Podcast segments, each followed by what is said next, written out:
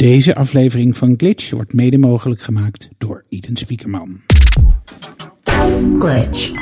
Hey Reinier, wat eh, eh, vind jij het leukste waar we het vandaag in de podcast eh, over hebben gehad? Ik ging tot mijn eigen verbazing een liedje zingen uit Sesamstraat. En we hebben het over eh, eh, LinkedIn. Dat is gekocht door Microsoft voor eh, 26 eh, Instagrammetjes. En jij Joost, wat vond jij het leukst? Ik vond het leuk dat eh Rosanne gaat vertellen hoe ze bedrijven verandert met agile aanpakken. Niet alleen eh, vanuit development, maar tot aan managementniveau toe. Hey, en Rosanne van der Stam, eh, wat vind jij het leukste wat je vandaag eh, meegekregen uit deze podcast? Ja, ik vond het leukst om even door eh Reinier bijgepraat te worden over alle eh, Apple-updates en over Siri die op de Mac komt. Nou, ik vond het heel erg leuk dat jij me overtuigd hebt dat eh, eigenlijk eh, consultancy en design veel dichter bij elkaar staan dan je zou denken. En dat het ontwerpen van een organisatie bijna net zo belangrijk is als het ontwerpen van een product, een dienst of een merk. Dus eh, let's do it!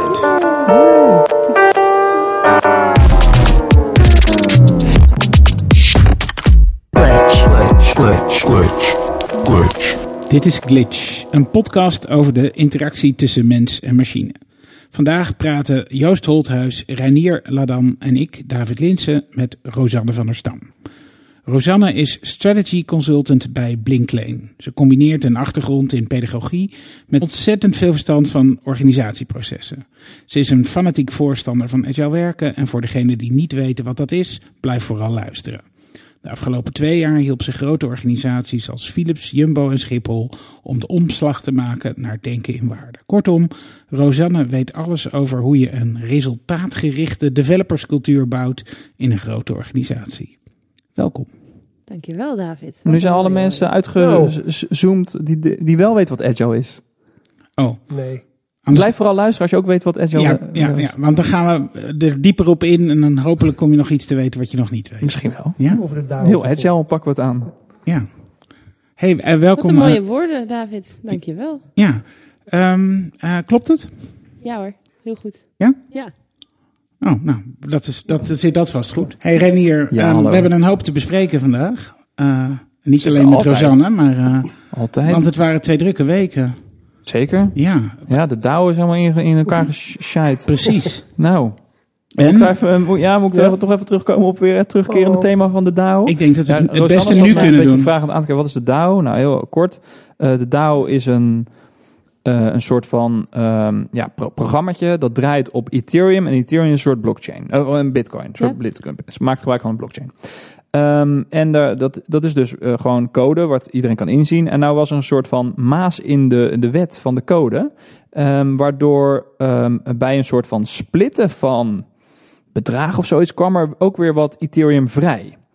En dat heeft iemand geëxploiteerd. En die zegt van, ja, het is geen bug, het is gewoon een feature. Want wat is het verschil tussen een bug en een feature? Dat is ook nog eens een grapje onder eh Coders. codeerders, onder programmeurs van eh, it's a bug or a feature. Nou, ehm, dus die heeft er misbruik van gemaakt. Die heeft 50 miljoen dollar op zijn eh, rekening kunnen bijschrijven. Gewoon volgens hem volledig legaal. En hij heeft ook nog zelfs een advocaat die zegt ook, het is gewoon volledig legaal. Ehm, en ehm, ja, nu, dus, nu zit de hele community rond Ethereum met een hand in het haar. Wat moeten we hiermee? Want ze kunnen, dat is wel het mooie. Zo'n blockchain. Ik hoorde vandaag nog iemand iets zeggen over de blockchain. Zei ja, het is een, een, een niet terugdraaibare open ledger. Maar dat is dus niet zo. Het is volledig democratisch. Als de meerderheid van iedereen die met de blockchain meedoet bepaalt van we gaan dit hele boel terugdraaien. Dan kan dat gewoon. Het is gewoon een democratisch proces. Dus dat, dat gaat nu, dat is, dat is nu wel die discussie nu gaande. Maar wat je daarbij wel bereikt, is dat er minder vertrouwen bestaat Ja. dan in die Ja. blockchain. Want eh, als er dus iets blijkbaar misgaat, kan de hele boel weer teruggedraaid en is. En ik vraag me ook af hoe dat gaat. Want in de tussentijd hebben mensen hun ether omgereld weer naar bitcoins. Die, gaan, die wordt niet automatisch weer teruggereld. Dus hoe gaat dat dan? Dus dat, ik vind dat een best wel een interessant vraagstuk. Ehm, maar ehm, ja, Ether heeft daar wel een klap van gehad. Want de waarde is verminderd. En die DAO is ook een beetje nu op zijn gat ligt dat. Nou mijn ik mag wel zeggen, investeringen, dus j- nu jullie waren de laughingstock van het hele Ja, internet. de laatste week. Ja, echt wel. Maar ik, ja, ik vind het wel interessant. Ik eh, kan er wel ook wel om lachen. Nou, het is, ik vind het ook, ik vind het eigenlijk steeds interessanter worden. En vooral dat ik denk, ja, als je een aantal programmeurs een nieuw stelsel laat bedenken voor het organiseren van waarde, Ja. kan je ook verwachten dat er een Ja, deel ook een zwarte hoed op dat dit heeft. gebeurt. Want, en ik vind ook niet dat ze het terug moeten draaien. Want iemand anders zei ook nog op internet, ja, stel nou dat iemand eh, heel veel geld had verloren. Hè, die hacker zou iets geprobeerd hebben en daardoor zijn geld verliezen. Dan zou de boel ook niet teruggedraaid worden. Dus nu omdat hij juist een, een, een gat heeft gevonden in die code... dat hij het geld kon winnen eruit... moet ineens de boel teruggedraaid worden. Zo, nee, de, de- de code is gewoon wat de code was. Dus Het is gewoon verkeerd geprogrammeerd. Maar is er een gat in de code of is het van tevoren eh, niet goed? eh, Nee, het, is, het schijnt ook in. Ethereum zelf te zitten. Want het is zo dat er, eh, eh, alle, alle transacties die je met Ethereum doet, doe je middel van een functie. Het is eigenlijk een soort van object binnen object, eh, object eh, oriented programming. En als jij een publieke API aanspreekt van een ander object, kan dat object weer terug een publieke API van jouw object aanspreken. En waardoor je dus eh, een soort tweeweg krijgt. Begrijp, waarin je begrijp je dit, rechten Ja. binnen... Ja. Ja. Ja? Ja, ik Ik, kan wel ik voor. niet hoor, ik ben het nu, ik ben het nu kwijt. Het, is ook, het hoeft ook niet helemaal uit te leggen. Maar het is in ieder geval... eh, iemand heeft dus uit die pot geld... wat 150 miljoen dollar was uiteindelijk... of zelfs Ja. meer... heeft hij gewoon geld kunnen trekken... zonder dat er consequenties aan verbonden zijn... volgens zijn advocaat. Want het is gewoon... hij maakt gewoon gebruik van de code die er is. Ja. Dus toch, eh, het moment dat je er eh, eh, mensen en een, eh, en een, een soort democratisch stelsel aan koppelt, dan wordt die blockchain toch eh, eh, eh, heel anders. Ja, Nou. het- maar het is wel puur. De code is wat de code is. En Maar- dit kan er blijkbaar mee. Dus dat is ook Maar- gewoon, zeg maar, Ja maar, dus de, ja, maar dus waar we het vorige keer over hadden, dat de hoeveelheid kennis die je moet hebben om dat systeem te doorgronden Ja. en eh, te begrijpen, Ja. moet je dus eh, niet alleen eh, maar zo een developer ook- zijn die die code kan lezen, je moet eigenlijk ook nog gewoon alle bugs erin op kunnen sporen. Ja, en dan pas zo- weet je zeker. Zo werken programmaboekjes van eh, politieke partijen natuurlijk ook. Die, die leest ook eigenlijk niemand. nou, het En lijkt ook toch gaan wel. mensen stemmen. Het zijn de kleine lettertjes natuurlijk met de normale en zeg maar de, de niet-digitale eh, wereld. eh, waarin alles in een contract wordt vastgelegd. Waar je zonder legal advice ook helemaal niet weet wat je precies getekend hebt. nee, wat dat precies. betreft is het is ook een een- oude Het wereld. is ook een code, Ja. maar een ander Ja. soort Ja, van precies. code. Ik had nog een ander klein dingetje, zowel een bruggetje hiermee, want dit, dit, die hack is eh, ehm, eh, ontdekt door iemand die heel slim is. En bij de EU zijn ze met internet bezig en dat zijn hele domme mensen. Want bij de EU willen ze een linktax weer gaan invoeren. Daar zijn ze al vaker mee bezig geweest. Ze willen dus een, een belasting gaan leggen of een soort copyright eh, eh, eh, bedrag innen van sites die linken naar andere sites. Dus, dus Google linkt naar nieuwsites. En in Spanje hebben ze die wetgeving al doorgevoerd. En daar is, heeft Google ook gezegd, we gaan Google Nieuws niet meer in Spanje eh, eh, hebben uit de lucht gehaald. Maar het is best wel dom. Een site geeft tips over een andere site. En daar willen ze dan een belasting op heffen. Dus als jij in de kroeg vertelt van, joh, hey, eh, ik rij zo in een mooie Volvo. Ik zou als jou ook een Volvo eh, kopen. Dan heb krijg je eigenlijk een belasting op wat je Ja. zegt, dat, omdat je Volvo tipt. Het is Maar- gewoon van de zotte. En als die link nou eh, aan mij geserveerd wordt buiten de EU, hoe gaat de EU... Geen idee, joh. Ik heb geen idee. En ook eh, eh, in Spanje waren die media er ook uiteindelijk helemaal niet blij mee. Die Nee. zeiden, joh, we willen Google Bereik, terug. Want ja. ja, we, we hadden daar best wel wat bereik uit. Dus ze zijn er met de gekste dingen bezig. Maar de, de, het, het Ik voelt... snap eh, Engeland wel. Ja. lekker eruit. Wegwezen. Brexit. Een, een, een Nederland... Glitchit. Een glitchit, een Ja, glitchit. Trek het internet Europa Ja. uit. Ja. Ja, we gaan met het hele internet Ja, we buiten moeten een soevereine zone creëren op een boorplatform. We laten. Europa bestaan. Ja, Ja. hoe heette die gast ook alweer? ja, weet ik niet. Hmm, Land was het. Awesome Land. Ja, Hadden zoiets. hadden verkocht toch laatst, dacht ik. Echt waar? Ja. Het was een casino of zo, wilden ze erop beginnen ook. Ja, Hij misschien had een eigen munt, volgens mij. Ja, het was- ja, een koning. Ja. een, een safe, blockchain. een safe haven voor Ja. eh, alle illegale activiteiten Ja. van het internet in een vrijstaat ergens in de Noordzee. Pirate eh, Bay. Ja, Nou, we komen er misschien straks nog wel even op terug. Ja, Hey, maar dat was mijn nieuws. eh. het, was een, het was een drukke week, hè? Ja, ik heb, eh, heb deze week de eerste poging gezien om eh, design in een algoritme te vangen. Eh, Wix, dat is een, eh, een platform waar je websites kan laten designen. Ze, ze pretenderen dat ze op basis van jouw profiel, je, je bedrijfseigenschappen, wat, wat gegevens van je, van je bedrijf en je voorkeuren, creëren ze een website waar content wordt gegenereerd, beeldmateriaal, design, layout enzovoort. Nou, op zich een hele mooie stap. Uit het niks wordt dat ge... Uit, nou, wat ze doen, ze hebben het Je missie en je visie Oh. uploaden en Ja, de rest gaat vanzelf. Iedereen heeft een onderscheidende missie en visie, toch? Ja. Nou, ze doen het op basis van vergelijken van eh, sites die hetzelfde profiel hebben. Dus wat krijg je? Je krijgt uiteindelijk natuurlijk een soort gemiddeld design van vergelijkbare bedrijven. Dus een soort middelmatig resultaat. Maar het is wel de eerste poging om te doen, om te kijken wat daaruit komt. Eh, ik vind het een leuke, interessante stap. Eh, als je ziet wat op andere plekken zijn ze al een stuk verder. Er is in Japan een uh, schrijfwedstrijd geweest waar ze een algoritme een roman hebben laten schrijven. Met 1500 inzenders. En die hebben tot de finale gebracht. Ze hebben echt een hele andere manier uh, gevonden om, uh, om copy te schrijven. Ook door heel veel romans te vergelijken, patroon te zoeken, verhalen ja, te vinden. Ja. ja. En um, als ik een tijd terugkijk, daar had je in Nederland het project Next Rembrandt. Ik weet niet of je dat kennen. Dat is een project waarin een aantal kunsthistorici samen met programmeurs hebben gekeken wat is nou de karakteristiek van een Rembrandt. Ah, en die hebben daarmee een nieuw Rembrandt schilderij gemaakt wat van hem had kunnen zijn. Hoe ziet dat er dan uit? Ja, het, het, uiteindelijke resultaat, toen ik het filmpje zag hoe ze het gemaakt hadden, was het eigenlijk hetzelfde verhaal als bij, uh, bij Wix. Ze hebben vooral gekeken wat voor portretten schrijft hij, welke kant kijkt de persoon op, wat zijn de ogen. Dus uiteindelijk heb je een soort gemiddeld gezicht teruggekregen van alle schilderijen die hij eerder gemaakt had. Dus je krijgt ook weer wel een uniek schilderij, maar uiteindelijk geen bijzonder product. Maar je zou natuurlijk ook het hele ontwikkelproces van Rembrandt in een algoritme kunnen vangen. Wat zijn de stappen die hij steeds maakt om een stap verder te komen en dan de next Rembrandt te maken die bijvoorbeeld 50 jaar later zou kunnen plaatsvinden.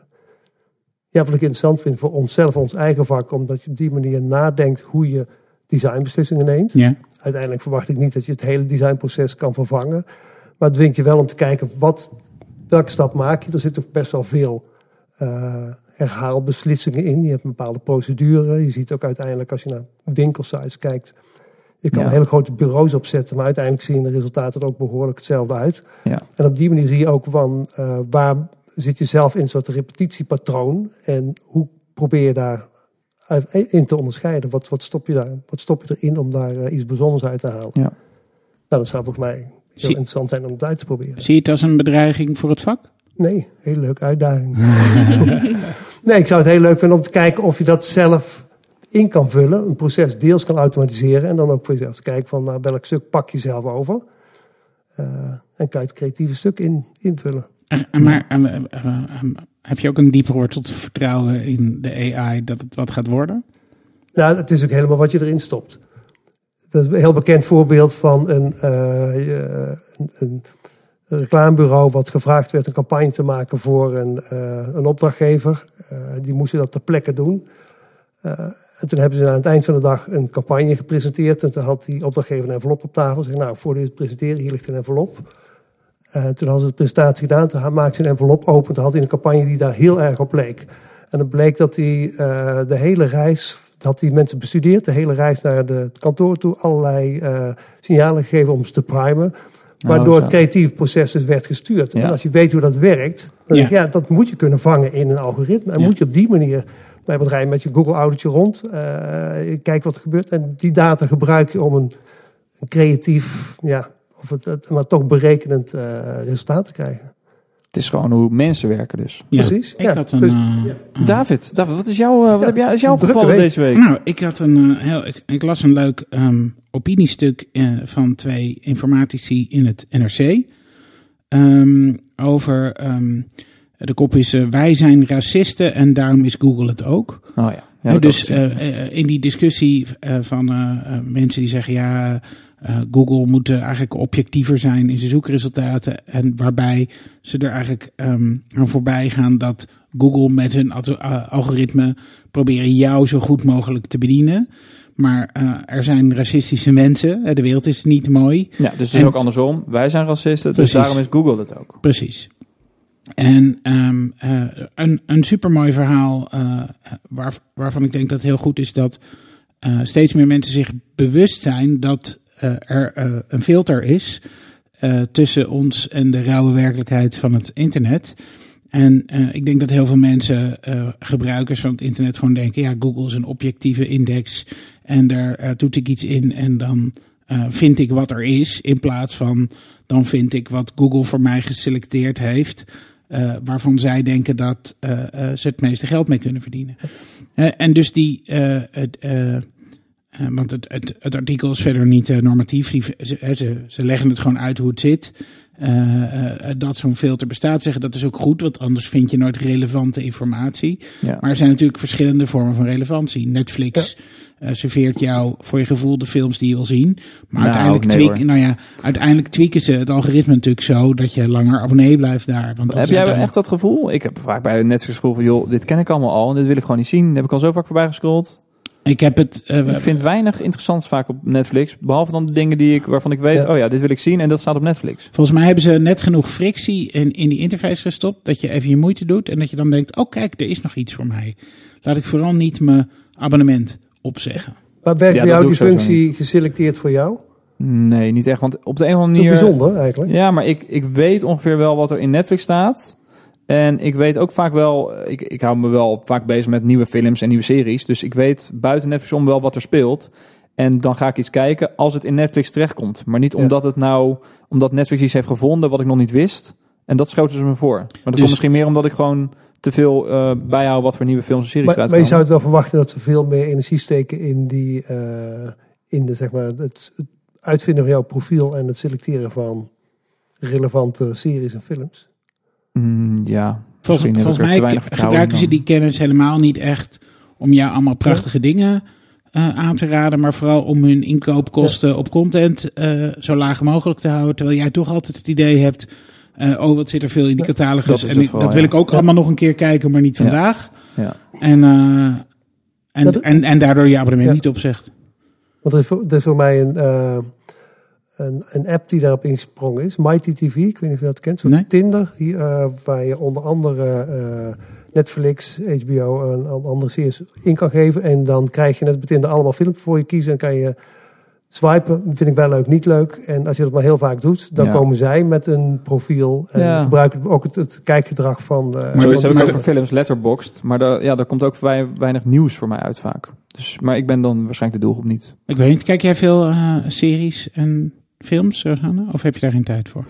Jawel, ik kijk, ook wel, ik kijk ook wel veel Netflix, maar ik zit een beetje in zoals Reinier. Dus ik kijk meer om me heen wat er gebeurt en dan hoor ik tips van anderen. En dan kijk ik of het toevallig op Netflix staat.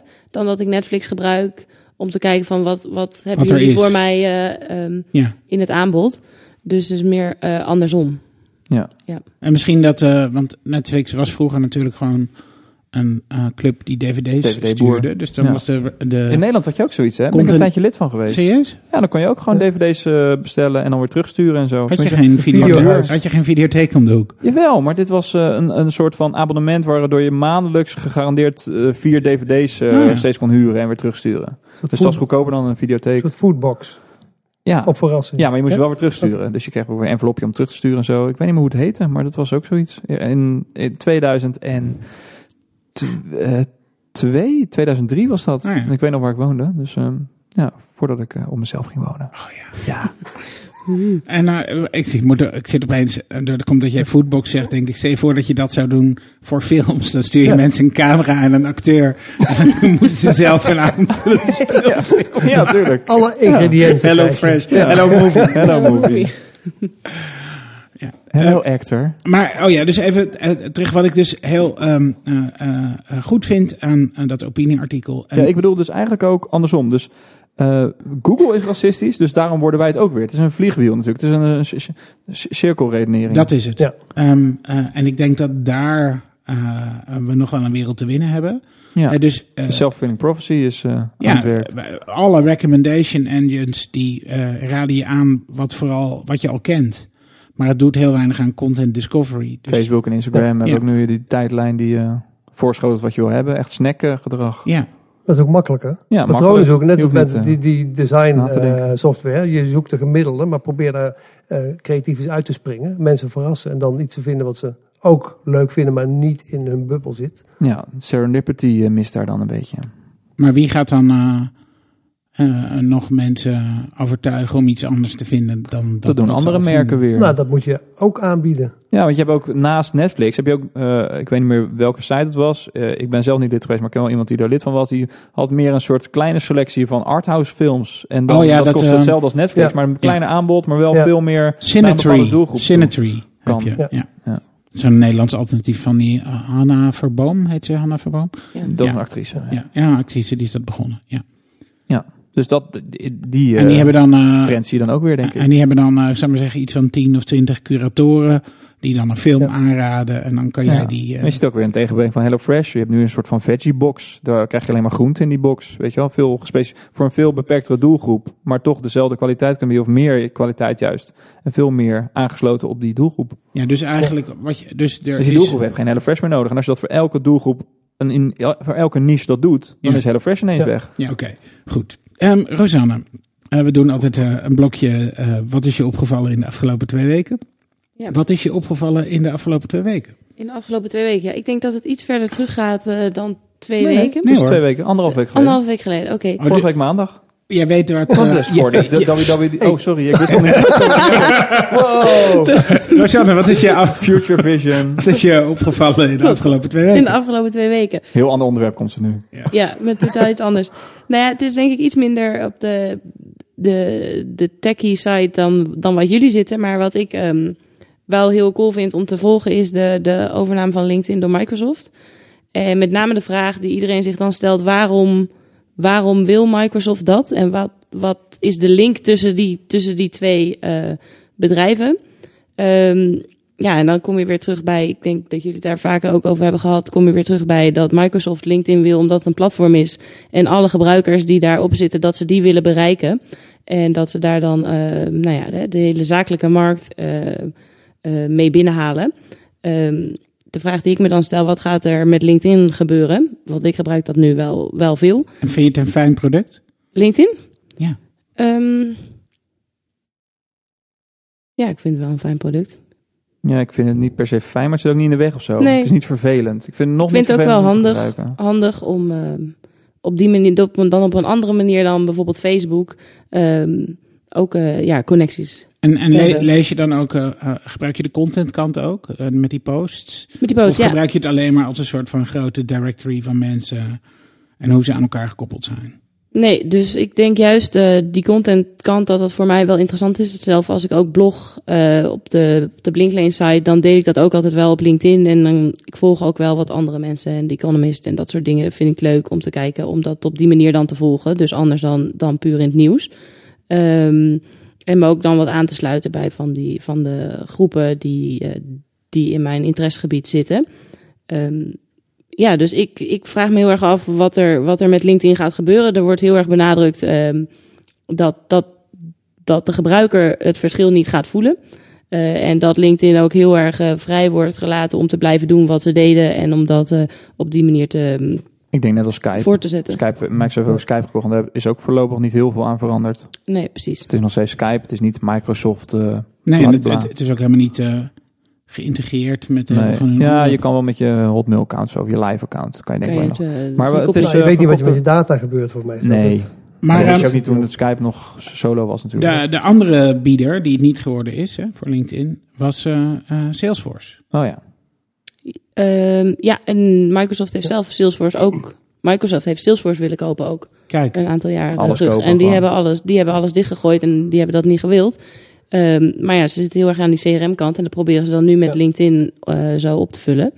Ehm, wat met Salesforce niet gelukt is, ja. want volgens mij eh, ehm, eh, en Microsoft heeft heel erg veel geld eh, eh, in dat Business Dynamics zitten. Dat is hun, mark een, een marketing automation platform en een Ja. CRM platform. Wat Ja. is dat business? Ik heb de hoorde voor het eerst over. Serieus? Ja. Oh ja, nee, Ik, ik zit niet zo in de Microsoft. Maar, nee, ik ook niet. Maar ik, weet, wel, Apple. ik weet wel dat ze, waar ze de afgelopen jaren heel veel, heel veel eh, aandacht ingestoken hebben, is in eh, eh, het automatiseren van marketing- en salesprocessen in bedrijven. Oké. En ik kan me ook wel voorstellen dat als je daar die hele LinkedIn-database op een of andere slimme manier indumpt. Ja, wat vinden jullie van de prijs die is betaald voor LinkedIn? 26,2 miljard dollar. Ja, ik vind er niet zoveel van. Ik vind dat heel veel geld. ja, Nou, ik, ik las wel, ik vond het ook heel veel geld, totdat ik las dat het 60 dollar per gebruiker is. Ja. ja En als we dan in de loop van 10 jaar iedereen, iedere gebruiker die op LinkedIn zit, gewoon een, eh, een of andere Microsoft-licentie eh, dan heb je verkopen, ze dan hebben ze het er wel weer uit. Ja. Ja. Nou ja, je moet je Aan de andere kant, hoeveel zijn dat echt echte accounts? Als je, Want, eh, gisteren was mijn vader jarig. En ik zag op Facebook uh, gisteren, je, je vader is jarig plus twee anderen. Dus ik zei, andere? Wie zijn de anderen? Klik. Het waren twee andere accounts van mijn vader. Mijn vader heeft gewoon drie Facebook-accounts. ja. Dus dat, de- heel veel mensen hebben natuurlijk meerdere LinkedIn-accounts. Dus ze zijn vergeten als ze erin hadden. En dan nemen ze nog. En hoeveel van die accounts zijn wel eens niet slapend. Dus het is best wel een schimmige. maar ze hebben iets van die- 433 miljoen actieve Het ging om actieve... Actieve gebruik. Ah. Ja, actieve profielen, ja. Ik denk omdat het aan de sales- en marketingkant zit. En daar zit ook heel veel B2B eh, sales bij. Kijk, als jij eh, aluminium aan Boeing wil verkopen... en je kan op deze manier je, je miljoenen order binnenhalen... Via LinkedIn. ja, via, Ja. via dat platform van. Microsoft. Ja. Dan is dat abonnement wat je op dat platform betaalt... voor die kennis... Dus van een paar dat honderd hebben ze zo terug. meer die Ja. abonnementen gaan pushen. Ja. En je kan Ja, ja. ook de informatie, 365 alle eh, eh, 365. movements, eh, mogelijke overnames, mogelijke contacten, business contacten, kan je het ook allemaal analyseren en verkopen. Ja. Je weet in principe. Ja, maar uiteindelijk is Microsoft juist zo'n koper van die dingen, toch? Wat? Ja, maar ze kunnen die van, data toch ook Nee, maar dus- verkopen. persoonsdata. dus- Als je het goed analyseert. Jij bent bedrijf X en Ja. eh, eh, je runt dat bedrijf. En je bent- SpaceX. bent- bent Ik ben SpaceX. SpaceX. Yes! En eh, ehm, eh, je- jij wil allemaal klanten die met payloads bij jou komen, zodat je dat de ruimte in kan schieten. En Microsoft levert jou daar een systeem voor. En Dat ik ze kan bereiken. Ja. Nou, dit, je betaalt eh, 100 eh, voor het systeem, maar voor 20 dan preloaden we alle data van je contacten erbij, zodat je succesvoller wordt in het verkopen en daar minder tijd voor nodig hebt. ja. Als je dat een beetje waar kan maken, ja, het is gewoon inderdaad gewoon een sales simpele assist, ja, dat is het. Ja. Ja, ja oké. Nu snap ik het weer. Oké. Microsoft. Kun je mij straks dan Snapchat nog even uitleggen? Tuurlijk. Oké. Nee, ze hebben natuurlijk ook het, de, een paar jaar geleden hebben ze ook Jammer ehm, gekocht. Dan weten we ook allemaal hoe dat is. Ja, eh, dat is een beetje afgelopen. jammer. Ja, Microsoft heeft niet echt een gelukkige reputatie als het eh, gaat om... overnames. Nee, precies. Nee. Dus, eh, Dat wordt nog wel gebruikt, jammer, in verschillende organisaties. Ja, en welke dan, Reinier? Bijvoorbeeld bij Schiphol gebruiken ze dat. Hebben ze de mogelijkheid om het te gebruiken? Ja, ik zit er ook op tegenwoordig. Ik krijg elke dag zo'n mailtje die ik dan niet lees. En Als je moet kiezen tussen Jammer en Slack. is het, eh, is het, het is natuurlijk niet hetzelfde. Nee, maar waar zit hem dat dan in? Hè? Want dat, Jammer is Ja. echt slow chat, microblogging, zoals Twitter dat is. Terwijl Slack is real time. Het zit hem af en toe zelfs maar in een paar seconden, maar dat maakt wel het verschil. Ja, dat doet mij weer denken aan eh, eh, een, een presentatie die ik zag. ehm, eh, eh, waarin soort van de chronologie wordt beschreven van hoe eh, dit soort producten zich ontwikkelen. Dus eerst heb je soort van de technologie zelf. Ja. Hè? Dus eh, denk aan de telefoons. Is eh, ja, die presentatie die ik jou had getipt. Dat is de presentatie die jij mij Ja, hebt ja, ja. getipt. Weet precies waar heen wil. En wie was het? eh? Ja, de- ik ben heel slecht in namen, dus dat eh, kan ik wel even opzoeken terwijl jij eh, Ja, uitlegt wat je Dus allemaal... eh, in fase 1 eh, eh, maakt de technologie iets mogelijk, zeg mobiele telefonie. En dan krijg je, eh, in het geval van de mobiele telefoons, krijg je allerhande eh, nieuwkomers op de markt die gewoon je mobiel laten bellen. Dan gaat het vervolgens om de features. Hè, welke features kan je eh, toevoegen aan zo'n telefoon? Kan je daar spelletjes op spelen? Kan je daar... En de, eh, in de fase die erna komt, eh, ehm, gaat het om de experience die je geboden wordt. En dat was eigenlijk de geboorte van de smartphone, de iPhone, waar je een totaal andere ervaring had. En als je die, hè, dus die indeling, technologie, features, experience kijkt, dat heeft zich ook voorgedaan met die ehm, chat rooms, in, in company chat rooms. Eh, Je hebt al heel lang eh, IRC. Zat jij vroeger op IRC? Eh, ja, En met wie maar chatte je dan? vroeger, dat was rond 2000. Er was Ja. een, ehm, een, een filmsite, moviemeter.nl heette dat. En die hadden dan ook gewoon een chatkanaal op IRC. Dus daar logde ik vaak s'nachts dronken in en dan ging ik nog even chatten. En dan ging Dat het ook altijd over seks. En nooit over nee, seks. nee, dat viel wel mee. Oh, Nee. waar dan? Waar Ja, films. Wel gewoon. echt, ja? Nou ja, nee, nee, nee, het was breder. Want eh, het was gewoon een groep mensen die op Movie Meter eh, eh, eh, allemaal lid was. En dat, die hadden gewoon een gedeeld interesse in films. Maar daarnaast had je ook vaak wel gedeeld. Dus het ging niet over films op IRC, maar gewoon over wat je allemaal aan het doen was of zo. Ik weet niet. Het was, het was echt een, een pre-Twitter-tijdperk, zie ik dat. Net als blogs. Ik had ook best wel contact met andere bloggers. En dat, ik snap ik nu, nu al niet meer hoe dat ging. Dat Ja, ging in ja. reacties van Ja. blogs. Had Ja. je dan contact. Ja, ja. Dat was allemaal voor Twitter. Ja. De, de internetvrienden die ik nu heb zijn allemaal op Twitter. En daarvoor was het inderdaad een beetje IRC of in een forum of bij blogs. Dat was best wel... eh, Verspreid. Ja. ja. En nou ja, goed. Dus, dus dat was dan fase 1. Hè? Dus de, de, de technologie maakt het mogelijk. Fase 2 is dat je een, een woud aan features. features Ja, krijgt. feature dus, creep. eh, Kijk eens wat het allemaal kan. ja. Ja. en dus dat zie je. Dus, eh, IBM heeft eh, hele dure in-company chat systemen ontwikkeld, specifiek voor bepaalde bedrijven. Eh, je ziet dat eh, iets als HipChat er al bij lang, heel lang bestaat, maar dat was heel erg gekoppeld of voor een wereld van, eh, ik zou maar zeggen, developers. Ehm Yammer eh, komt op. En eigenlijk eh, is Slack de eerste die er ook een experience bij biedt. En eh, of dat nou alleen in die eh, emoji en het gebruik van GIFs en weet ik niet, maar Slack presenteert zich niet alleen als een functionele tool, maar eigenlijk als een totale omgeving om ja, conversaties over werk in te voeren. Ik heb Op een prettige gevonden. manier. Op een hele Ja, prettige het is, en manier. het is ook een is stukje dat gemak, hè? Wat, wat Ik Renier al zei, dit gaat gewoon een stuk net iets sneller. En dat Ja. is dus, En vaak Dat is maakt het dan net ook het dat het in verschil. features teruggaat. Dus het gaat in features terug. Het biedt niet hetzelfde als het product wat daarvoor was. Eh, dus minder. ja, dus de, bijvoorbeeld de introductie van de iPhone. De iPhone kon gewoon minder dan de BlackBerry daarvoor. Want hij zat niet op eh, 3G en hij ja, had geen toetsenbord die, eh, echt, eh, waar mensen aan gewend waren en zo. Maar de experience was beter. Dus meer geïntegreerd. Het was trouwens een presentatie van Pieter Merholtz. En Yes. de presentatie heet The Experience is the Product. En het was op Mind the Product. En we zetten hem in de Ja. show notes, want het was verder Ja. een ontzettende aanrader Ja. qua presentatie. Ik was Zeker. er enorm van onder. Hij zit ook in mijn nieuwsbrief aankomende vrijdag. Kijk. 82%.nl Zeker. Ehm eh, het grappig is, ik heb altijd het idee dat eh, eh, Microsoft als bedrijf, om daar nog maar heel even over door te gaan, vooral goed is in die featurefase. Hè, dus Ja. eh, ze komen zelden echt met nieuwe technologie. En in de demo-video's van dingen die ze nog niet hebben gemaakt, maar waar ze wel Ja. mooie video's over kunnen maken. Hoor ik HoloLens? HoloLens? Bevo- nou, daar hebben ze nu wel echt een product bij. Maar ze hebben wel natuurlijk wel bijvoorbeeld ook zo'n zo'n uitklapbare tablet die dan hè, als twee pagina's bestond en zo. Ze hebben echt wel vage video's allemaal gemaakt in het verleden waar niks uit is gekomen. Ja, maar het, Een andere echt, filosofie bied- het dan echt Apple bieden van een experience, dat zijn ze niet heel goed in. Dat proberen ze wel steeds. Maar meer in luchtkastelen dan in echte producten. Is dat het eh, verschil tussen ehm, het denken van corporate IT versus de... Ja, nou, ik weet niet. Het, ik zie heel, heel groot verschil tussen. Microsoft, Apple en Google. Google die flikkert alles online gelijk. Dus die laten gebruikers het allemaal uitzoeken. Microsoft Ja. maakt filmpjes. En Apple houdt het geheim totdat ze vinden dat het goed genoeg is om het... Nou, lanceren. Google had toch ook het filmpje van de Google Class? Ja, maar ze hadden ook Dat is gelijk een ook, product. Nee, dat filmpje was er veel eerder. Ja, ja? Dan, ja, dat heeft zowel de, de techniek als de, als de potentiële gebruikers in, eh, zeg maar in beweging gebracht. Oké. En ehm, eh, jij werkt veel, Rosanne, met eh, corporate IT afdelingen, zou ik maar zeggen. Ja. Ehm, eh, in welk denken zitten die? Zitten die nog op technologie? En Zitten die, denken ze vooral in features? Of zijn ze al toe aan het experience denken? Ehm goeie vraag. Eh, nou, ik denk dat, dat dat experience denken dat dat er wel steeds meer in komt.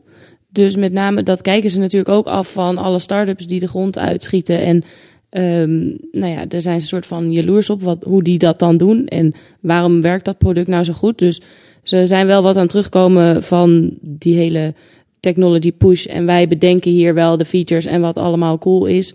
Zie je wel die verschuiving naar we gaan gewoon uit van de gebruiker. En we proberen dat wat meer integraal te benaderen. En ook te kijken wat werkt wel en wat werkt niet. Ehm, maar er is nog wel een lange weg te gaan. Jij helpt ze bij dat proces. Is dat wat Blinklane doet? Eh, ja, dat is denk ik een deel van, van, ehm, van wat wij doen. Maar ik denk wel dat het de kern is. Ook. Ehm, ja, wij, wij richten ons op grote, grote corporates. Die eh, nou ja, eh, al heel lang met IT bezig zijn. En Blinklane was in eerste instantie gefocust op het optimaliseren en het eh, verbeteren van de toegevoegde waarde van IT. Dus de besturing en management van IT. En dan hebben we het meer over, over sourcing. Wat doe je in-house, wat doe je out-house? Ik Eh, ben zojuist in slaap gevallen. oh, Oh, Nee, maar ik kan me voorstellen dat het heel erg een papieren proces is en heel ver weg staat van de werkelijkheid van waarde creëren met wat eh, Ja, digitale middelen kan doen. ja. Ja. Dus ik snap niet wat je bedoelt. Nou, nee, de, de, jij zegt eh, eh, eh, van oudsher waren we daarop gericht, maar toen. Maar toen, ja, toen werd, kwamen er steeds meer technologieën en kwamen er steeds meer start-ups. En zie je gewoon dat die corporates in een soort houtgreep komen. Ja. Want die moeten mee en Ja. die moeten veranderen. En ik denk dat die, die urgency er wel, wel is, maar dat ze niet weten hoe ze dat dan moeten doen. Hè, dus banken die roepen, ik ben geen bank meer, ik ben een softwarebedrijf. Maar ja, wat, wat betekent is, dat is dan? wel zo. Ja, is wel zo. Maar wat betekent dat dan? En hoe, hoe gaan we dan wel met die gebruiker interacteren en die erbij betrekken? Hoe gaan we onze eh, processen aanpassen, zodat we net zo snel en wendbaar kunnen zijn En, als een en is ehm, dat omdat ze, omdat ze nu eh, de druk voelen van eh, gefocuste start-ups die niet die legacy meenemen? Of is dat de reden dat het nu gebeurt? Of is het omdat ze jaloers kijken naar wat eh, grote internationale overzeese succesvolle nieuwkomers doen? Waar komt dat, waarom is het nu, zou ik maar zeggen? Nou, ik denk dat, dat die, die hele start-up en Silicon Valley en zo, dat bestaat natuurlijk al langer. Ehm, maar ze hadden ook wel die pockets. Dus ze hebben het ook wel een lange tijd nog vol kunnen houden op deze manier. En nu zie je toch wel dat, dat eh, margins beginnen naar beneden te gaan. En ze krijgen het gewoon zwaar. En dan heb je die digital disruptors die eigenlijk het hele, het hele speelveld veranderen. En nu begint iedereen een soort van, in, nou in paniek is misschien nog een groot woord, maar begint iedereen zich wel af te vragen, oké, eh, en wij dan? Dus het, het Nou, is een kijk, beetje kijk naar de bankenwereld. Een Ja. bunkbank is gewoon begonnen. En Ja. dat met niet zo heel veel mensen. En dat, dat kan gewoon. Je kan anno 2016 gewoon een bank oprichten. En met een app alleen. En dan ben je Ja. een bank. Met Ja. heel veel voordelen Maar- buiten een, eh, een gevestigde bank. Ja, Ja, precies. dat is dus wel ja, lastig als je voor mij een grote bank bent. Ik ben heel benieuwd ook, want dan gaat het natuurlijk om dat je een heel groot apparaat hebt dat op al eh, honderden jaren op dezelfde manier Ja, werkt, ja. bijna niet in beweging krijgt. Hoe pak je dat aan om dat te keren? Welke afdeling kom je, kom je binnen? Ben ik eh, heel benieuwd naar. Ja. ja. Nou, ja, Waar, eh, waar zit, je bedoelt waar, waar in die organisatie... ICT? waar begint dat? Ja, waar Ja. is dat? nou, dat is, dat is tien van de tien keer is dat wel IT. Heel vreemd eigenlijk, toch? Als je de organisatie wil veranderen, Ja. of is dat... eh, ja, Agile is wel echt een IT-ding nog steeds. Ja. Tenminste, zo ervaar ik het altijd. Nou ja, zo, dat is wel de eerste, de eerste associatie die er is. Hè? Dus de mensen Ja. zeggen agile en dan denken we Scrum. Scrum. Eh, ja. We gaan Scrum implementeren. Ehm, dus zo is, dat is wel de, vaak de manier waarop je, waarop je binnenkomt. En dan ga je Scrum doen. En dat, dan ga je tegen allemaal zaken aanlopen binnen andere af, afdelingen en binnen andere organisatieonderdelen. Ehm Kun je, kun je heel kort eh, voor de mensen die dan niet, eh, de luisteraars die niet weten wat agile of... Scrum? Wat Ja. Scrum? Kun je dat heel kort even uitleggen Zeg het wat maar, het is? wat is Scrum? ja, Ja, wat, Wat is want je, Scrum? inderdaad, veel mensen hebben wel van Scrum gehoord, maar die weten dan niet wat agile is. Ja, heel kort. Ehm, Scrum is voor de eh, puristen een framework. Anderen noemen het gewoon een methode. Dus dat schrijft voor eh, processen, rollen, verantwoordelijkheden.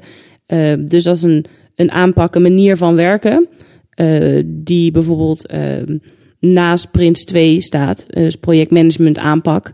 Eh, hoe ga ik software ontwikkelen? Dus niet de inhoud van software, maar meer de methode en eh, de, de proces, het proces.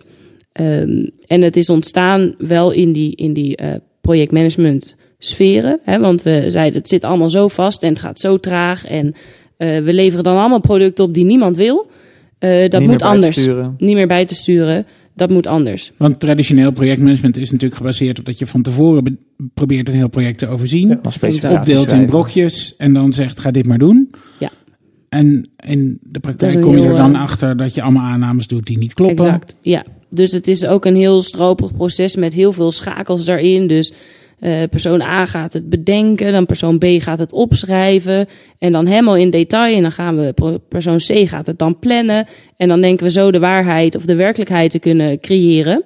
En, maar ja, daar zit inderdaad wat je zegt allemaal aannames in. Over wat die klant wil, over hoe dat dan werkt, over eh, de technologie die het dan wel of niet doet. En dan loop je uiteindelijk tegen allemaal dingen aan die maken dat je, dat je planning niet waar is.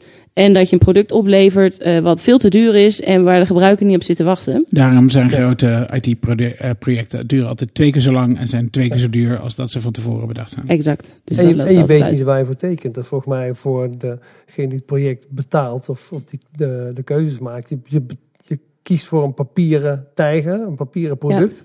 Wat je moet kunnen doorgronden. Vervolgens ga je het bouwen en dan ben je klaar. En dan, Volgens, volgens mij heeft de corporate IT daar echt een hele slechte naam Ja. eh, In. doorgekregen Ja. eh, binnen, binnen bedrijven. Maar ook Nou ja, IT dat bij de ook- overheid. Maar Ja. ook, ook, ook de business wordt daarin ook een soort van ehm, slecht weggezet. Hè? Dus het wordt al heel erg gepositioneerd als twee werelden. Hè, we hebben business en we hebben IT. In plaats van we gebruiken En technologie. design ook. Oh ja, design is nog apart. Ja. Ehm, hè, in plaats van we gebruiken technologie om samen iets, iets moois te, te creëren. En, nou ja, en, en Scrum probeert dat wat terug te brengen naar hoe het oorspronkelijk was. Hè? Dus die hele taak. ehm, Toen we, toen we software schreven met die Neandertalers. En Ja, ook- precies. Ja, nee, nee, maar dus je zegt toen het, hoe het vroeger was. Wat was dat dan? Nee, dat was meer van eh, we gaan dit met elkaar, met elkaar doen. Dus voordat die hele silovorming en hele taakscheiding er was. ehm, ja, ook als je kijkt naar start-ups, daar zeggen we niet: goh, jij bent dan front-end en jij bent dan back-end. En Ja. jij mag de requirements opschrijven en jij mag dan de analyse doen. Nee, dan zitten we met z'n allen. En jij bent toevallig goed in A en ik ben toevallig goed in B. En samen maken we dat product. Vijf rare types in een kamer met een goed idee. Ja, exact. En pizza. En, En ehm, pizza. Nou, dat, dat is die hele, eh, de hele filosofie. Dus het zijn multidisciplinaire teams, ehm, waarbij ehm, er in korte iteraties een product wordt ontwikkeld, waarbij je zoveel mogelijk probeert te testen eh, van die aannames die je hebt met, bij je gebruiker, maar ook de aannames ten opzichte van je planning. Ehm, dus dat, dat over Scrum. Ehm, daarnaast heb je Agile en heel veel mensen die, die scheren dat over één kam. Dus die denken, oh, Scrum is Agile, dus Agile is Scrum. Ik denk dat dat eerste waar is. Hè. Dus Scrum helpt je om als organisatie Agile te zijn. Agile betekent natuurlijk flexibel, wendbaar. Dus om, om snel te kunnen inspelen op wat er in die markt gebeurt. Op snel te kijken wat wil die gebruiker nou eigenlijk echt en daarbij aan te sluiten. Dus het gaat voornamelijk om, om snelheid, maar ook om innovatieve, experimentele omgevingen. Om daarin, eh, daarin te werken. Ehm, dus Scrum helpt je om, om dat te zijn, maar Agile is meer dan dat. Dus het, dat zijn En is zelfs minder dan dat. Minder En dan. meer. Ja, dat is alleen een manifesto. Oké, dus Agile gaat breder dan alleen het framework, framework Scrum implementeren. Dus het vraagt andere dingen van je Het is organisatie. lo- nog losser. Scrum is best wel rigide eigenlijk. In zijn Ja, Scrum methodiek. is een- en ja, in zijn ja, rollen is een en- framework, en- ja. Is een, een way of life. Nou ja, dat is natuurlijk, klinkt altijd meteen een beetje creepy. Hè? Mensen zeggen ook het is een religie. Oeh, ehm, je moet erin geloven of niet. Eh, ik- wij omschrijven het vaak als, ehm, als eh, gedachtegoed of als ehm, ook wel als organisatieparadigma. Dus de manier van kijken naar de wereld, de manier van je organisatie inrichten. En dat, dat kan helemaal losstaan van Scrum. Dus je kunt heel agile zijn zonder Scrum te doen. Moet ik even het, het Agile Manifesto even eh, oplezen? Oplezen. Vier, vier regels? Het niet uit je hoofd? Nee, natuurlijk niet. Individuals and interactions above. Nee, ik heb niet het manifesto. Stomme site date. Dus Boven ik heb op- processen en Ik tools. heb op, eh, op Wikipedia gekeken, daar staat hij niet. Zeg jij het maar even. Ja, het- zeg jij het maar even. Ja. Nou ja, dus het, dus, dus het agile gedachtegoed dat gaat uit van, van vier eh, waarden. En dat is individu en interactie boven processen en tools. Dus wat je in een grote organisatie natuurlijk ziet is dat er... ehm, nou, alles is daar heel procedureel vastgelegd. En heel erg, jij gaat hierover en jij gaat daarover. Ja, En de per tool- project moet het hetzelfde zijn. Terwijl Precies, heel erg de echte wereld gestandaardiseerd. zou het anders moeten zijn. Eigenlijk een, en dat is eigenlijk gewoon regel 1 is wees menselijk. Wees menselijk, Ja. ja. En ga eens met elkaar in gesprek. In plaats van eh, puur dat proces te volgen. En dan kom je tot de mooie dingen. Eh, de twee is dan... Working eh, software. Maar, hoe- ja, maar, working software. Sorry. maar, maar Scrum is er ook heel veel regels. En dat voelt minder vrij. Dat Ja, maar het is nu Ja, agile een framework. Oké. Dus, ja, nee, maar ik beneden bedenken, Ja. oké, hoe past Scrum dan straks in Agile? Ja, goede vraag. Die Ja. doen we zo. Ja. Oké. Ja. Ja. Ja. Ehm, nou, de tweede is dan working software, zeg jij. Wij zeggen vaak werkende producten. Boven alles omvattende Documentatie. documentatie. Ehm, en we, de productenvariant vind ik beter, omdat je het dan uit die softwarewereld haalt. Dus ehm, dingen die werken opleveren is belangrijker dan planma plannenmakerij en beschrijvingen. Dus ja, natuurlijk, eh, mensen vragen ook waarom... ehm, hoe, hoe combineer je dan visie met, met dat je eigenlijk continu iets werkends en gewoon wil starten? Hoe combineer je dat dan? Natuurlijk moet je weten waar je naartoe gaat en moet je wel eh, de, de wat langere termijn eh, doelstellingen hebben.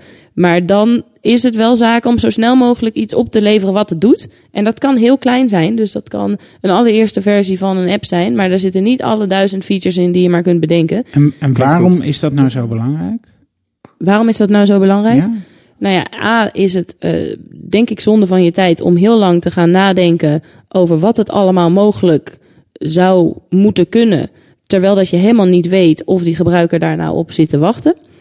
Ehm, dus dat is zonde van je tijd, zonde van je investering. En B, de, de gebruiker weet het altijd het, het best. En je wil zo snel mogelijk die waarde naar die gebruiker brengen. En dan kijken ehm, hoe die daarop reageert en wat hij daarmee doet. En of het werkt wat je, ehm, En als Wat je, je zegt, aanneemt. als je zegt eh, de gebruiker weet het altijd het best. Daarmee bedoel ik niet. We moeten het de gebruiker vragen. Hè? Nee. De, de, de Henry Ford eh, cliché van.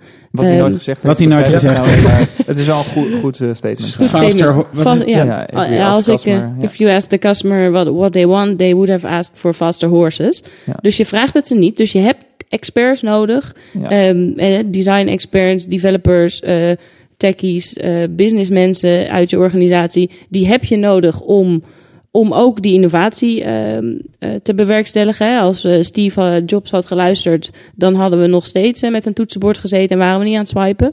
Eh, dus je moet wel die, die innovatie ehm, van binnenuit wel laten komen. Maar dan moet je wel de aanname die je hebt Nee, je toetsen. toetsen. Ja. en dan moet je kijken, werkt het dus? En wordt die interactie beter? Wordt die gebruiker blijer? Vindt hij dit dus waardevol? En Ja. op basis van zijn gedrag dan en de data die je daaruit ophaalt, kun je, kun je door, eh, doorontwikkelen. Maar in hoeverre werkt dat als je dat brokje voor brokje doet? Want je hebt natuurlijk ook producten van Apple, een aardig voorbeeld. Die kijken juist naar een ambitie. Die, dan zie je iets wat er nog niet is. Wat mensen enthousiast maakt. eh, en wat je aan het denken zet om het nog beter te krijgen. Want dat, dat, dat voorbeeld van dat filmpje van de Google Glass. Ik heb de presentatie gezien van, van die, die, die, eh, een van de ontwerpers die dat filmpje gemaakt heeft. En het doel was met name om te kijken. Er zit een punt op de horizon neer, daar kan iedereen van dromen. eh, dat jaagt de, eh, de techniek op en dat jaagt de markt op. En dat voor een andere manier van benaderen dan agile. En ik zie Maar mijn ervaring in agile wel niet- als je het klein doet. Het is toch een heel eh, duur eh, en geslaagd proof of concept om... Nou, geslaagd niet.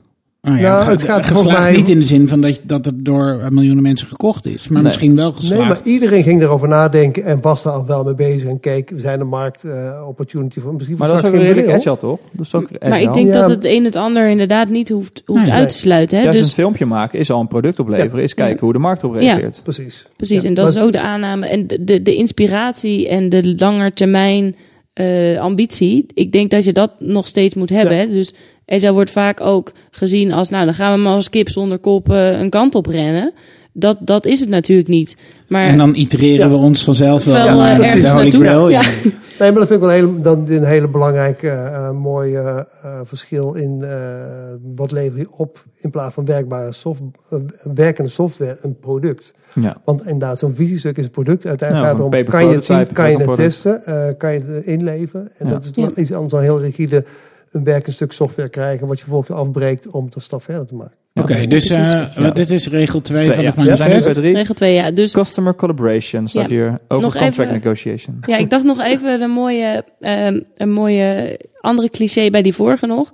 Eh, wat wij altijd wel zeggen eh, over die visie, dus dream big, maar start small. Hè? Dus ja, je moet wel dromen over wat er Ja. allemaal mogelijk is, maar je wil dan een eerste stap zetten. Ehm, hè, hoe kan ik met de minste effort eh, toch de meeste feedback ophalen? In die, in die presentatie die eh, David en ik hebben gekeken, was een mooi voorbeeld van Dream Big is dan, we willen een hele grote taart maken, maar we beginnen eerst met een cupcake om te kijken of mensen wel dat Überhaupt lekker het vinden. lekker vinden. Ja, Ja, en dan nog een keer een verjaardagstaart. ja en dan, Ja. pas de, de megataart. cake, ja. Ja, exact. Nou ja, die.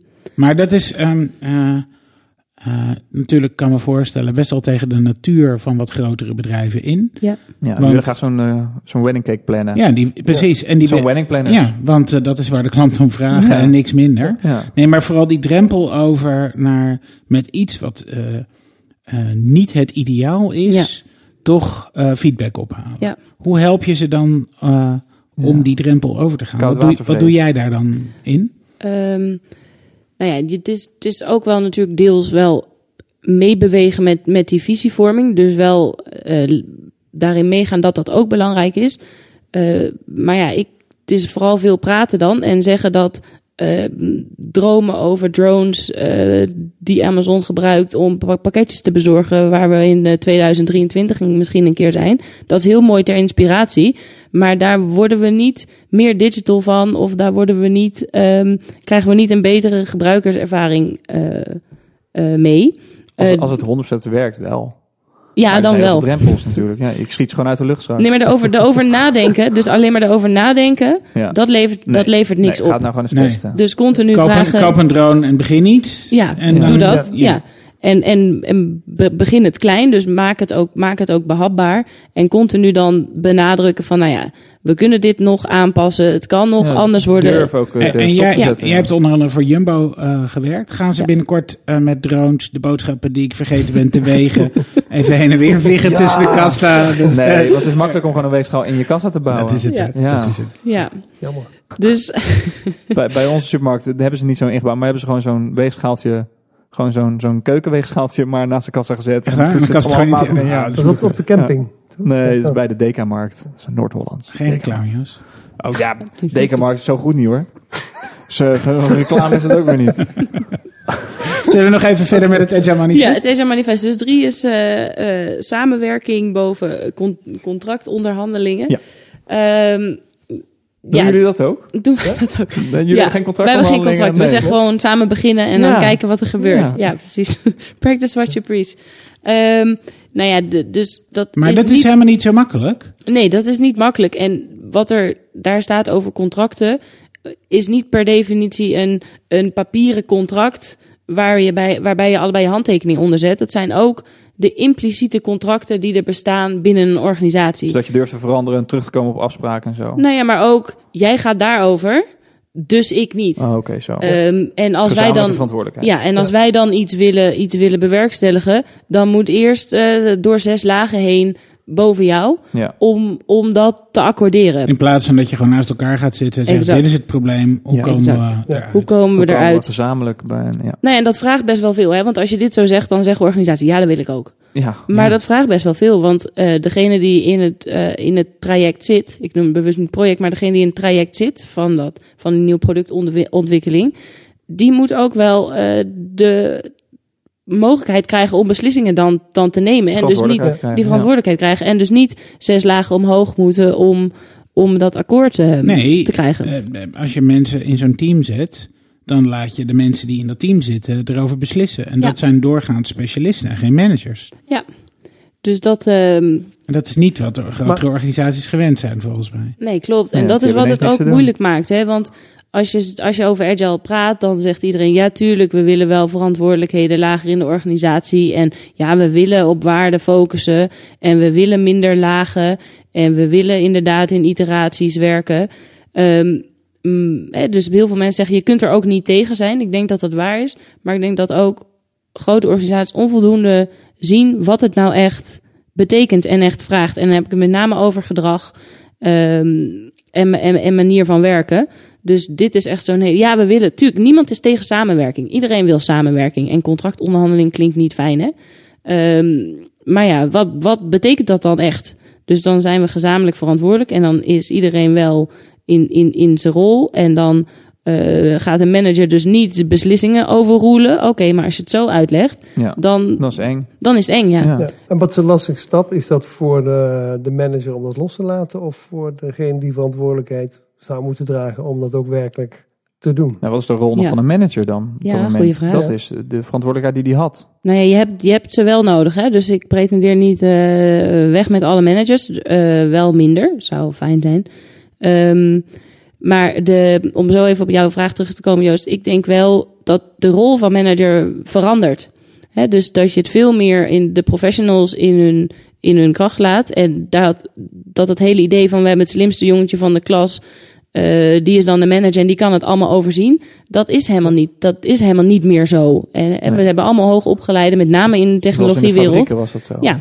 En dan kon één iemand kon het beste efficiënt uitdenken. Maar nu moet je dat bij die professionals laten. Wat moet de manager dan doen? Ervoor zorgen dat zij hun werk kunnen doen. Maar er zijn er ook heel veel organisaties eh, die heel hard gewerkt hebben de afgelopen jaren om elke vorm van professional uit hun organisatie te halen. Ja. Ja, alles Hè, dus outsourcen. Alles te Alles te outsourcen. Want eh, dan konden die professionals ook nog eens voor een ander werken. En dan zou het bedrijf minder voor kennis of een specifiek spe- specialisme hoeven te betalen. Ja.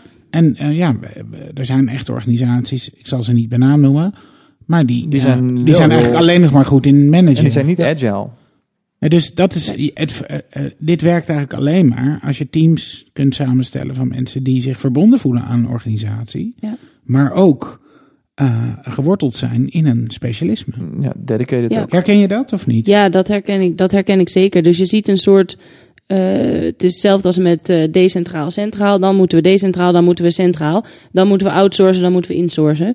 Eh, dus je ziet nu ook wel weer die. ehm, dat, dat terughalen. Hè? Dus development wordt veel meer in huis, geha- eh, in huis gehaald. Ja. En of dat nou een ZZP'er zijn of iemand die vast in dienst is, dat maakt dan minder uit. Eh, maar waardoor je dan meteen ziet dat alle regierollen eh, die er altijd bes- bestonden, dus al die, ik noemde dan het ook transactiekosten, eh, hè, de coördinerende rollen, dat, dat verdwijnt. Dus dat zie je meteen. Dus die mensen, die professionals, die gaan, die gaan aan het werk. Ehm, en dan de mensen die dus voorheen coördineerden vanuit, vanuit Ja. de organisatie richting dat geoutsourced stuk. Ja, Combina- die heb je niet meer nodig. communicatiepoppetjes. Maar, Ja. en ik ken- ik ken ook wel wat situaties waarin die eh, nieuwe binnenkomers die dan zo'n innovatieve afdeling gaan opzetten of die zo'n specialisme invullen, laten we ze in-house design of in-house development noemen, ehm, toch nog wel gebombardeerd worden met oud gedrag en oude regels van zo'n organisatie, waardoor Ja. het heel lastig is om eh, als je echt tot waarde eh, eh, wil komen, moet je natuurlijk ook heel veel van het huidige ter discussie ja. kunnen stellen. Hoe kun je nou een cultuur creëren in een organisatie waarin je dat kan en mag doen en waarbij de uitkomsten daarvan ook nog eens op prijs gesteld worden? Ja, nou het is, mijn ervaring is dat het echt, dat is wel een tough cookie en het is de, de- ook de lange adem hebben. Eh, ik geloof er niet zo in dat we kunnen zeggen we gaan de cultuur nu veranderen en dan gaan we dat bewust doen of zo. Dan gaan we interventies doen en dan gaan we zeggen dit is de nieuwe cultuur of deze waarde, dit vinden we nu ineens belangrijk. Ehm, ik denk heel erg dat, ehm, dat je gewoon dus ergens moet beginnen met je proces aan te passen. Dus we gaan op een andere manier werken. En dan kun je Scrum voor inzetten, bijvoorbeeld. Maar er kunnen ook andere dingen zijn. Hè? Dus je kunt ook zeggen, we gaan meer Lean Startup of we gaan Kanban. Er zijn allemaal andere ehm, werkwijzen om dat te doen. Dan vervolgens ga je zeggen, oké, maar dan moet ik dus mijn structuur aanpassen. Want ik heb die coördinerende rollen niet meer nodig. Ik heb ander soort mensen in mijn team nodig. We willen het meer multidisciplinair, want we willen ook die specia- Samenwerken. ja. die specialismen in mijn team. Dus daar volgt structuur. En dan, dan ga je zien, dan gaat het een soort van vastlopen in die organisaties. Dus dan ga je zien, oké, dat team kan, kan tot op zekere hoogte dingen zelf. En dan, dan eh, krijg je problemen met inkoop. Dan krijg je problemen met finance. Dan eh, vraagt het hele andere skills. Moeten we andere mensen gaan inhuren. Legal, dat soort, dat soort dingen. En dan is het aan de organisatie en aan het management, met name senior management, om heel slagvaardig te zijn en te zeggen, dan moeten we dat wel ook gaan aanpassen. Ja, dus die olievlek moet zich dan gaan verspreiden. Ja, dus je ziet vaak dat het overal oppopt. We hebben allemaal initiatieven en dat popt zo op. Overal. En dan op een gegeven moment, dat, dat kun je tot op zekere hoogte, kun je dat zo bottom-up doen. Ja, En dan op een gegeven moment moet je wel zeggen, oké, nu moeten we een soort sprong nemen eh, en, en dingen echt Als rigoureus een gaan. stalagtiet en een stalagmiet moeten zo naar elkaar Moet het zo naar elkaar groeien? Ja. Ja, en dan ja. Ja. Maar moet je, zo... zou je niet eerder bovenin moeten beginnen? Want uiteindelijk begin, als je in ieder geval op een IT-afdeling start, dan zit je natuurlijk op een, op een heel geïsoleerd stuk van een organisatie. Uiteindelijk gaan al die Ja, vaak hebben die ook niet zoveel te zeggen, want het is een soort ja. uitvoerafdeling. Ah, de, Ja. eh, corporate IT zit toch een beetje op het niveau van het gas, water en licht. eh, De, de systemen die het moeten doen. ja. Loodgieters. ja. Ja. maar eh, eh, jij, jij maakt dan net dat onderscheid met de business. De business, Het ja. feit dat je dat zo noemt, ik, ik dacht dat een bedrijf in zijn geheel de business Ja, was. ja. Hè, zonder stroom ook geen business. Maar, Ja. eh, Net als dat hele bedrijf UX is. Ja, Ja. Nou, je ziet, je ziet wel dat die verschuiving gaat op een gegeven moment plaats, eh, plaatsvinden. Hè? Dus de, de, de- er ontstaat een soort kanteling. Dus in plaats van dat je zegt, we hebben dus eh, sales en we hebben marketing en we hebben product en processen. En dan hebben we IT als soort callcenter waar we allemaal een beetje aan moeten betalen. En dan gaan, gaan bakkeleien, hè, contracten, onderhandelingen. Wat gaan we daar dan precies voor doen? En degene met het meest budget aan het begin van het jaar, die krijgt dan eh, de capaciteit. Zie je dat je dat dus, en dat bedoel ik met dan pas je de structuur aan. Door binnen IT bijvoorbeeld zo te gaan werken, ga je daarna zeggen: Oké, maar dan moeten we nu, eigenlijk moeten we in een soort ketens gaan werken. Klantgerichte Ja. ketens. Dat we zeggen: Nou, we richten ons hier op eh, de business to business en daar op de business to, to consumer. En dan doen we daar integraal maken we daar een soort, soort onafhankelijke eenheid van. Dus dat je niet meer hebt, we zijn in silo's georganiseerd, functioneel, maar meer in, in denken in waardeketens. En die keten levert waarde aan een, bepaalde, aan een bepaalde klant. En alle mensen die daarmee te maken hebben, die zitten in die keten. En dan ehm, zit je op andere momenten misschien eh, qua, qua effort in die keten. Maar dat, zit, dat wordt je primaire focus. En die mensen zitten bij elkaar.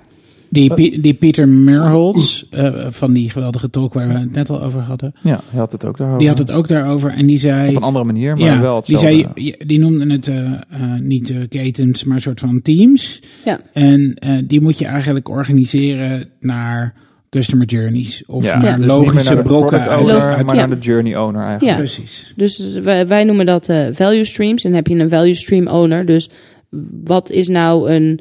We- Welke teams creëren waarde en wat kunnen we daar als een soort thema eh, in onderkennen? En dat maken we dan de primaire focus. En dat betekent dus dat er mensen van IT, eh, van marketing, van eh, product- en procesmanagement. dat zit allemaal bij elkaar. Ehm, en die, die doen het met elkaar. Oké. Ehm, laten we nog naar de vierde, hè? Ja, de vierde. Hè? Ja. ja. De vierde, De- oh, ja, responding to change. Over following a plan. ja, en dat is, dat is wat mij betreft... Zoals Sims had hem altijd geleerd dat je een plan moet volgen. Ja, Je hebt een klus en daar wil je ook het beste van maken dat je kan. Wat? Sesamstraat? Oké. ja. Echt waar? ja? Wie zingt, Ik wie en mijn er? maat eh, da, da, da, da, beginnen met een plan. Ik wil een sandwich maken. Je hebt een klus en daar wil je ook het beste van maken dat je kan. Wat gebeurt hier? Ik en mijn maat zouden in je plaats beginnen met een plan. Een sandwich maken. Een sandwich met wat brood. Wie zijn dit? Bert en Ja, dat is een hele collage van eh Supergrover en Cookie Monster. En dat is een leuk maar filmpje. Dus eigenlijk krijgen we met de paplepel ingegoten. eh, Ik heb weer een stukje gezongen. Oh, wat. ah, geweldig zeg. Ehm, met de paplepel ingegoten. Dat gaat om een plan maken. Ja, Als je een maar, plan. Je moet eerst beginnen met een plan. Ja. Ja. En maar uiteindelijk is het de les, want eh Supergroot wilde alleen maar even vragen van jongens, ik heb een ijsje. En eh, tijdens dat zingen is dat ijsje gesmolten. Dus hij kon niet beginnen aan het ijsje, omdat ze allemaal zaten te zaniken dat hij een plan moest maken. Dus op zich ook wel een ja. les. Ja. een Sesamstraat besloten, alweer 30 jaar geleden. Ja, dus de, wat mij betreft is dit, dit is wel de kern en ook het, het moeilijkste als ik kijk naar grote organisaties. Dus die zijn allemaal heel erg plan-driven en mooie leuzen als first time right. Ja, als je iets de eerste keer goed wil doen, dan ga je er wel heel lang over nadenken en het heel goed beschrijven voordat je überhaupt gaat beginnen. Want ja, het mag niet fout zijn. Maar ja, je kan er wel een plan maken Zeker. en daar alleen niet zo heel erg aan vasthouden. ja. Ja, dus Dat de- is een- maar dat is een meer een toekomstvisie, Ja. een stip aan de horizon. Ja, Ja. precies. Maar dat is iets anders dan een plan, hè? Dus de plan, de, het, het, het plan zoals we dat kennen, of, of wordt ook vaak meteen geassocieerd met planning. Ja, daar zit het woord ook in. Daar zit het. Ja. Strategic planning. En eh, nou ja, we hebben het in het begin al over gehad. Tuurlijk moet je nadenken over waar wil je naartoe en waar wil ik staan en wat zijn mijn prioriteiten en waar wil ik geld in stoppen. Ehm, maar dat, dat dus dan helemaal in detail uitwerken en upfront eh, specificeren en dan dus zo geloven dat je, dan gaat het dus zo. En vervolgens als het niet zo gaat, dan gaan we niet kijken, oké, blijkbaar is de wereld anders. Wat kunnen we daar nou met elkaar aan doen? Maar dan gaan we kijken, oké, hoe ga ik verantwoorden dat ik afwijk van het plan? Want dat wordt dan ineens het allerbelangrijkste. Oké, maar als we dat niet doen, hoe moet het dan wel? Ehm, ja, we- je moet in je proces en in de manier van werken een mogelijkheid houden om om te kunnen gaan met die veranderingen. En dat dus ook als een eh, dat dus ook omarmen en verwelkomen. Want de inzichten die jij krijgt, die zijn, die, die zijn op dat moment relevant en daar moet je iets mee doen. Ehm, dus, Dus in hoe- plaats van, eh, eh, eh, de inzichten te, te denken, verdorie, nou, nou zitten we in de knoop met ons plan. Hoe kunnen we dat eens even spinnen, zodat we toch gewoon door kunnen met ons Met plan? plan? Moet je de inzichten omarmen, en aanpassen. Exact. En, ja. En, dat, en hoe doe je dat dan dus? Door te zeggen, oké, we, we gaan in iteraties iets opleveren wat ook echt werkt. En dat kan dan klein zijn, hè? Ehm, maar dus dat heel gefaseerd doen van we gaan dus nu het geheel eerst eens bouwen, dan heb je nog niks. En, en, en daarbij komt dus ook kijken dat je gewoon heel erg moet durven om je investering eh, af te schrijven Ja. als het niet werkt. Ja. En dat kan omdat het kleine investeringen zijn Ja. In tegenstelling tot als je al, eh, weet ik veel, 3 miljard in een overheids-IT-project hebt gestopt, dat je die, die, die laatste miljard er ook maar tegenaan gooit, omdat Ja. het anders niet af is. Ja, precies. Het wordt eh, heel vervelend. Ik sta al zo lang op de lift te wachten. Nou, moet hij, nou moet hij wel eens komen, het, eh, het eindpunt. Hè, of die lift. En dan ga je niet meer zeggen, oh, ik ga van koers wisselen en ik ga nu eens, ik ga toch maar met de trap. Ja. Dat doe je dan niet. Ja, die investering. Ehm, dus je moet, je, je moet kunnen inspelen op, op die veranderingen. En dat maakt dus ook dat, dat je soms dingen doet. En dan kom je er naar vier vijf iteraties achter. Dat wat je in die eerste hebt gedaan, dat dat eigenlijk niet meer past. En dan krijg ik vaak te horen, hadden we dat dan niet kunnen weten? Nee, dat hadden we dan dus niet kunnen weten. Want door dit nu te doen, heb je dat inzicht eh, gekregen. Ehm, ja, dat is ook wel een, een mindset. En dat vinden mensen moeilijk. Want een plan, ja, daar kun je dan aan, aan vasthouden. En heb je het idee dat je kunt sturen. Ja. En die onzekerheid die je moet accepteren op een andere, door op een andere manier te werken. Dat vinden grote bedrijven natuurlijk heel, heel moeilijk. Want het is helemaal georganiseerd om niet te veel variatie eh, toe te laten. Eh, en heel erg voorspelbaar te zijn. En nou ja, maar de wereld verandert steeds sneller. En we leven niet meer in die wereld waarin je wel dat kon doen. Het is eh, een goed moment om heel even naar onze eerste sponsor te gaan. En eh, dan gaan we denk ik na, daarna eens eventjes verder praten over hoe, ehm, eh, welke tips jij hebt voor bedrijven om eh, mee te gaan in die verandering. Om eigenlijk meer agile te gaan werken. Hoe kun je morgen beginnen? Ja, Ja, dat je, of je een plan voor ze hebt. ja. Nee, tips. En, en planning heb ik ook. Ja. Oké. ja. En eh, we gaan natuurlijk ook even eh, praten over wat er nog meer vorige week allemaal Dab dab. gebeurd is. Zoals Dab de dab. insiders het noemen. Precies. Dus WWDC. tot zo. glitch, Deze aflevering van Glitch wordt mede mogelijk gemaakt door Eden Spiekerman. Joost, jij bent eh, eh, creative director bij Eden Spiekerman. Ehm eh, je bent eh, UX-designer. Ehm, wat hebben jullie te bieden aan andere UX-designers? Nou, denk, wij zijn een bedrijf waar we proberen vanuit eh, de gebruiker tot het gaatje te gaan. In het vinden van nieuwe oplossingen. En dat denken we verder dan alleen een beeldscherm. Dus ik denk dat dat ook wel een eh, bijzonder is. Dus de oplossing is bij ons niet altijd een app of een website of een stukje software. Maar dat kan van alles zijn. En ik denk dat wat eh, anders is dan veel van onze concurrenten.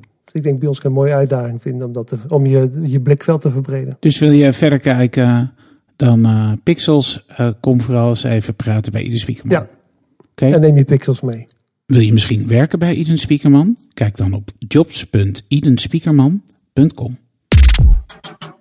glitch, Welkom terug bij eh Glitch. We hebben als gast Rosanne van der Stam van Blinklijn. Rosanne weet alles van agile werken en hoe je dat implementeert in de grote organisaties. Hoi. Het is vandaag, als we dit opnemen, de langste dag van het jaar. Eh Reinier zit eh, in zijn Twitterfeed te kijken naar of Worden de dagen alweer korter? En ik ben zelf Yes! heel, heel erg blij dat dit programma niet onderbroken wordt door splitsen, flitsen over sport. Spliffen over sport. Dat is, zou toch echt eh, eh, in deze tijden niet meer nodig nee, moeten zijn. niet. Nee, En dus, achterlijk. eh, favoriete radioprogramma's eh, van mij staan stil omdat er sportzomer is. En ik, ik, denk, ik, ik hoor het ook wel eens op de radio. Ik vind dat zo achterlijk. kan je toch gewoon online... tennis bijvoorbeeld. Ja, toch op man. Tennis. Ja. Golf. Golf. Ja, maar dan kan, je- dan kan je toch... eh, zet de sportflitsen aan of zet ze uit. Dat moet je kunnen customizen. Ja. Open de app op je telefoon. Voor Ja. sportflitsen. Maar iedereen wil toch zien wat eh, Noord-Ierland-Duitsland is Ja, geworden? 0-0. 0-1. En nou doen jullie toch... oh, gelukkig kan ik dit er nog uitknippen. 0-0. Hey, ehm, eh, laten we heel even eh, terugkomen op die andere ehm, grote gebeurtenissen van Ja, wat vorige Microsoft week. probeerde te overschaduwen door hun aankoop van LinkedIn op die ochtend. Ja, hè? echt hè? Ja. Ja, echt zorgvuldig gekozen tijdstip. Ja, eh, ja, ja. En dan hebben we het natuurlijk over de Worldwide Developers Conference van Apple. Best wel megalomane De, de, naam een conferentie, wat alleen maar voor Apple developers is. ja, hè? Ja, de, de Worldwide Developers Conference, but only for iOS en macOS X. Nee, nee, Wat nee ook voor. WatchOS. Jawel, ja, oké. Ze hebben nu vier OS'en. Ja, tvOS. En ze hebben allemaal eenzelfde soort lijn in de naam. Want Ja. Mac OS X is niet meer. We hebben nu Mac OS. Ja.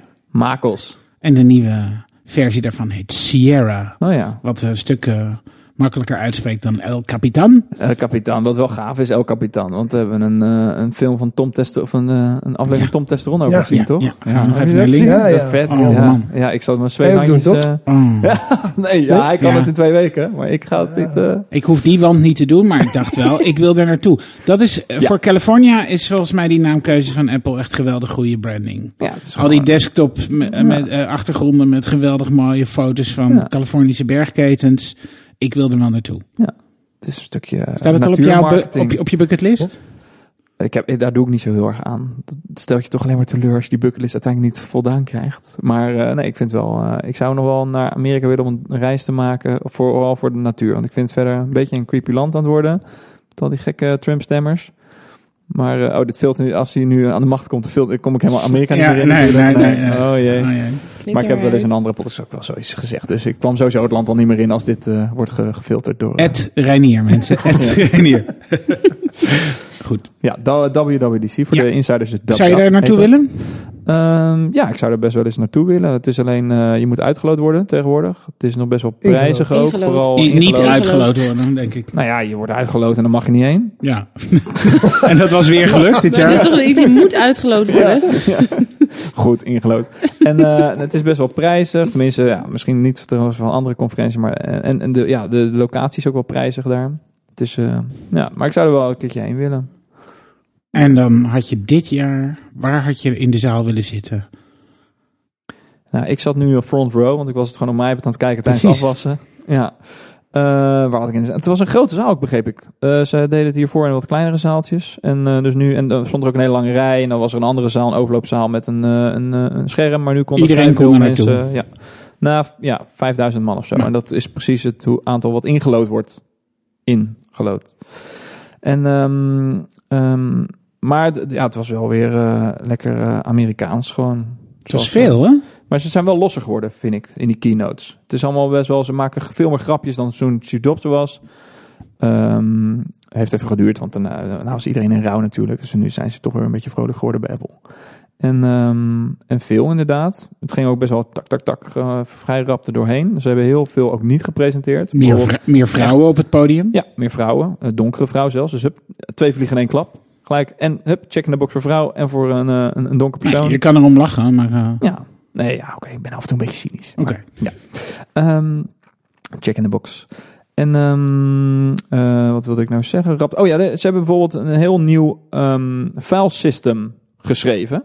Wat best wel onder nerds een heftig ding is. Want de echte nerds luisteren wel eens naar John Syracuse aan de Hypercritical podcast. En daar heeft hij een enorme rant gehouden over het file system, wat echt wel nerdy is, van de Mac HFS Plus. En hoe dat best wel mis kan gaan. Er zit best wel bitrot bijvoorbeeld in, zo, in dat file system. Dus Bitrot. ja, Ja, er- denk- er kan denk- gewoon van alles misgaan met files opslaan en lezen en herschrijven op een, een Mac. Ook op Windows, hebben- maar eh, er komt al veel minder voor op een Unix systeem bijvoorbeeld. Of een eh, Linux systeem. Zelfs Nou, als je harddisk niet stuk is, kan er toch nog van alles misgaan. ja, dat heeft te maken met de files index op een andere partitie eh, op de harde schijf. en Zo, nou, ja, allemaal dat en dat zo'n. nou, en en ehm, eh, het Apple file system eh, is eh, veel slimmer. Eh, eh, bijvoorbeeld, als je een file dupliceert nu op je Mac, dan heb je twee keer zoveel ruimte. Neem het in beslag. Terwijl als je op een nieuwe eh, of een nieuwe file system een file dupliceert, dan, dan komt er geen eh, eh, verandering, of geen eh, bit bij. Alleen in de index. En als je dan aan het tweede bestand iets gaat aanpassen, komt alleen maar de aanpassing op je harde schijf erbij. Dus dat scheelt ook heel veel ruimte. Oh ja. Dat soort dingen. Ehm, Ik vond het wel mooi wat ze presenteerden over WatchOS. Want, eh, nou, WatchOS 3 Ja. heet dat. en eh, wat ik vooral heel grappig vind, is dat ehm, je ziet allemaal eh, veranderingen waardoor het gebruik eh, van het horloge veel makkelijker is geworden. Ja, dit was eigenlijk toch een soort publieke beta Ja. van eh, Apple voor de, voor de Ja. Watch. Wat Ja. is de grootste verbetering?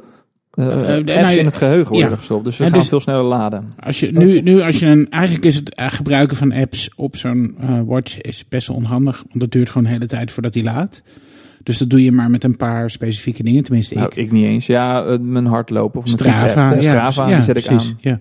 En, eh, Een golf-app heb ik ook. Ah ja, dan zet je hem ook aan, of niet? Ja, die hou ik de stand bij op mijn Apple Watch. Super vet.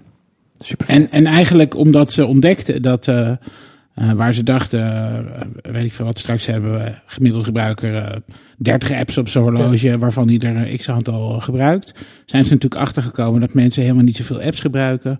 Dus ehm, kunnen ze die paar extra apps best wel in het geheugen kwijt van zo'n horloge. Dus kun je ze eigenlijk ook wel altijd in Ja. geheugen houden. Ja. Dus hoef je ze niet meer op te starten. En ze hebben daarvoor de, de glances die er nu in zitten. Dus als je van beneden naar boven swipet, die hebben ze weggedaan.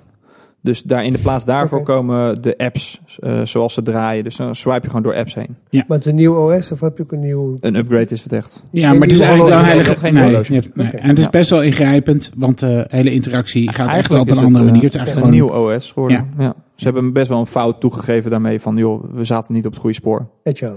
Maar dan in een cycli van een jaar. Ja. En de andere grote verandering is dat ze zeg maar de, de watch faces noemen ze dat. Hè? Dus de, de Nou ja. voorkanten van, je, van, je, van, je, van je horloge. eh, die je kunt customizen. Eh, eh, daar kan je er nu een x aantal van Ja. opslaan. En dan ook kan je gewoon doorheen swipen. Dus dan kan je ook, Ja. afhankelijk van wat je op een dag doet, kan je zeggen, nou, dit is mijn face voor als ik hardlopen. Of dit is voor die op kantoor. Of dit is voor als ik met mijn vrouw ga eten. En ik wil helemaal niet afgeleid worden door wat dan ook. Terwijl het is niet eens nu. Ik zit nog steeds op het iOS. Ik hou niet zo heel erg van beta's van Apple. Eh, en het is nu eh, één handeling extra om te switchen van watchface. Want je moet nu deep pressen, zeg maar 3D touch. En dan krijg je het overzicht van de swatch watches die je hebt eh, bewaard. En dan klik je erop en dan ben je er ook. Ja. Maar ja, dit soort dingen helpen wel om het echt te gaan gebruiken. Dus het blijkt toch dat mensen dat een drempel vinden als het twee handelingen meer kost. Wat ik me nou afvroeg, en misschien weet jij er iets van, is hoe iteratief werkt Apple eigenlijk?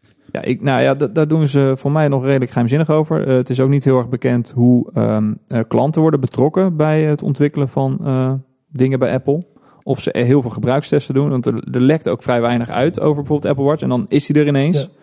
Dus eh, eh, ja, eh, we kunnen wel aannemen dat er helemaal geen klanten worden gebruikt. Ze in, we weten dat ze veel intern testen. hè, ja, maar uiteindelijk kan het ook wel bij hun. Want zij zijn zelf, de medewerkers zijn ook echt klanten van de dingen. Ze hebben niet echt, ja, ze hebben niet hele gespecificeerde business producten of zo. Dus het zijn allemaal redelijk consumentenproducten geworden. Ehm, Maar ik vroeg, Ja, me toch, ik vroeg me toch af, juist door dat horloge, van, ja. was de steekproef van mensen waaronder ze getest hebben initieel heel klein? Zodat er, hè, dus, eh, of komt het omdat ze een heel nieuw type product eh, in de markt zetten, eh, dat je eigenlijk lang moet kijken hoe mensen daar echt gebruik van maken? Ja. Dan hadden ze die tijd misschien niet. Nou, ze hebben misschien gewoon de gok genomen om dat in het live gewoon te testen. Maar Ja. dan noemen ze het geen beta zoals Google wel als een beta zou presenteren. Aan de andere kant ook niet, want Android Wear heeft dezelfde problemen als- als de, de Apple Watch. Ehm, maar ehm, ja, En wat- Dat en wat ik- slim, want in principe is dat gewoon een puur agile aanpak. Ja, je ja. zet het groot in de ja. markt, Ja. je leert daarvan Ja. en komt terug. Ja. we Maar maken wat- gouden dingen Ja. van eh, 20.000 dollar. Ja, maar wat ik wel heel, heel fijn vind als gebruiker, is dat ik er niet een nieuwe hoef te kopen. Maar dat ik Ja, al nou, dat deze... wel. Als Ja, je de nieuwe ziet, denk je van, hm, ik wil toch een nieuwe kopen. Zo die- het Wat, wat ligt aan de buitenkant aan het design dan? Ja, ik denk dat hij dunner wordt. Hij wordt sneller. Ja. Dus eh, Siri is denk in de nieuwe OS net zo traag als, eh, als de huidige OS. Want daar... Kan je ja, niet of ze hebben, doen. ja, ze hebben, dan hebben ze een echt een steekje laten vallen de vorige keer. Dus ik denk dat hij dunner wordt. Misschien wel een nieuwe sensor, weet je wel. Ze, ze hebben altijd... eh, ik, ik verdenk ze er ook van dat ze bij de iPhone dingen achterhouden om het pas een jaar later te introduceren. Ja. Omdat ze anders te veel nieuwe features introduceren. En elk jaar is het toch weer een soort van extra incentive om toch weer een nieuwe iPhone te kopen. Ehm, en eh, als je nu eh, eh, naar alle iPhone-ontwikkelingen kijkt, op, want er, ook daar Ja, ze werd hebben best heel veel aandacht aan iMessage besteed. Ja, Echt heel veel. En de, het gerucht ging dat iMessage ook naar Android kwam. En daar hebben ze wel gezegd, nee, en iMessage komt niet naar Android. Dus dat is best wel apart, vind ik. Want ik heb nog steeds WhatsApp nodig om met bepaalde vrienden te communiceren. Of Telegram gebruik ik nu ook. Of, nou, dus daar heb ik echt wel aparte apps voor nodig. Maar ik heb ook best wel veel vrienden die gewoon een iPhone hebben. Dus ik communiceer heel veel met iMessage. En dat is wel zo'n fijne app. Eh, maar die hebben ze best wel uitgebreid. Dus je kan eh, apps in iMessage gaan maken. Ze hebben heel veel met eh, emojis gedaan. Je kan nu ook je, je hartslag, ik weet eigenlijk niet hoe ze dat gaan doen. Maar bepaalde functies van je Apple Watch, daar hoef je nu geen Apple Watch meer voor te hebben. Dat kan je gewoon op je iPhone doen. Ehm, je kan berichten op een bepaalde manier in iemands scherm laten komen. Ook wel vet. Daar kan je zelf voor kiezen. Of, je, of een berichtje draaiend in iemands scherm komt. Of met een grote klap. Of eh, dat soort dingen. of met de tekst verborgen, dat vond ik Ja. wel leuk. Ja. Ja, precies. Dat Maar is een zijn soort van dus eh, ook stoom. mee in die, in die nieuwe eh, chat? Ja, maar er zitten geen bots nog in. Ja, je kan apps, Ja, maar dus die apps kunnen dat vervangen. Dus je kan Dat inderdaad wel zelf bots gaan schrijven. Ah, ze hebben ja. in elk geval heel goed gekeken naar eh, wat werkt in Snapchat en wat werkt in Slack. En om, om maar zeg maar daar Ja. elementen uit te halen. Alleen En- zolang ze alleen op Mac en op iOS blijven, is het toch een beperkt eh, groep mensen wat kan gebruiken. Ook al is die groep heel groot. het is een Je hoeft biljart. maar één of twee mensen erbuiten te hebben en Het is dan een werkt het niet. miljard mensen. Hè? Ze hebben iets van eh, Jawel. negen- 900 Maar je hoeft miljoen actieve... eh, stel je wil eh, met z'n allen afspreken dat je voor iemand een vrijgezellenfeest gaat organiseren. Je bent met negen man. Eh Eén daarvan hoeft maar geen iMessage te hebben. Dan kan je al niet met die groep Ja. communiceren. Dan Ja. moet je naar WhatsApp. Ja, en eh, eh, dat vond ik heel interessant, is dat eh, ze hebben nu in Siri. Ehm, eh, Siri eh, kan je straks vertellen welke berichten-app wil je dat ik gebruik. Hè, dus eh waarin Ja, als ze ik hebben nu, Siri opengegooid, Ja. maar dan niet opengegooid. Ze hebben een bepaald aantal soorten apps eh eh, geïdentified van oké, die kunnen nu Siri gaan. Die kunnen inhaken op Siri. Ja. Het is niet helemaal open. Nee, het is alleen voor eh, bijvoorbeeld ride apps noemen ze dat, zoals Uber en Lyft. Ja. Het is voor messaging apps en nog een paar andere. Het is, het is heel beperkt. Het, Maar- ze deden alsof eh, Siri bijna open werd gegooid, maar het is zonder een lijstje van apps. Maar wat ik daar zo grappig aan vind, is dat je ziet dat waar jij nu zegt van, eh, ja, ik vind het nog een probleem eh, dat ik alleen berichten kan sturen met Ja, Apple Messages. nee, dat snap ik ook. fijn. Dat snap ik. Maar eigenlijk zitten ze met Siri al een stapje daarboven. En dat ze zeggen, oh, joh, het maakt ons eigenlijk niet uit eh, of je WhatsApp gebruikt of eh, kies maar je messaging platform eh, naar keuze. Maar het belangrijkste, Ja, slimste, deel van, uit, slimste deel van onze OS, namelijk Siri, zorgen Ja. we in elk geval dat daarmee kan werken. Ja. Waardoor de waarde van die telefoon groter is Ja. dan de waarde van de apps Ja, maar daaronder. ze, mikken gewoon op twee, twee Ja. strategieën. Gewoon iMessage toch echt wel flink doorbouwen. De preferred messaging app laten zijn op het iPhone. Maar als fallback toch ook Siri kunnen gebruiken voor WhatsApp. Maar ik vond het, want we hebben het hier natuurlijk ook wel gehad over eh, de. hè, alles gebeurt straks eh, conversational, lijkt het op. Ja. En dus, Ja. nou ja, dan weet ik ook helemaal niet of dat zo is. Maar, Hype cycle. Hype, ja, hype, ja, hype. Ja, hype, nee, hype, nee. hype.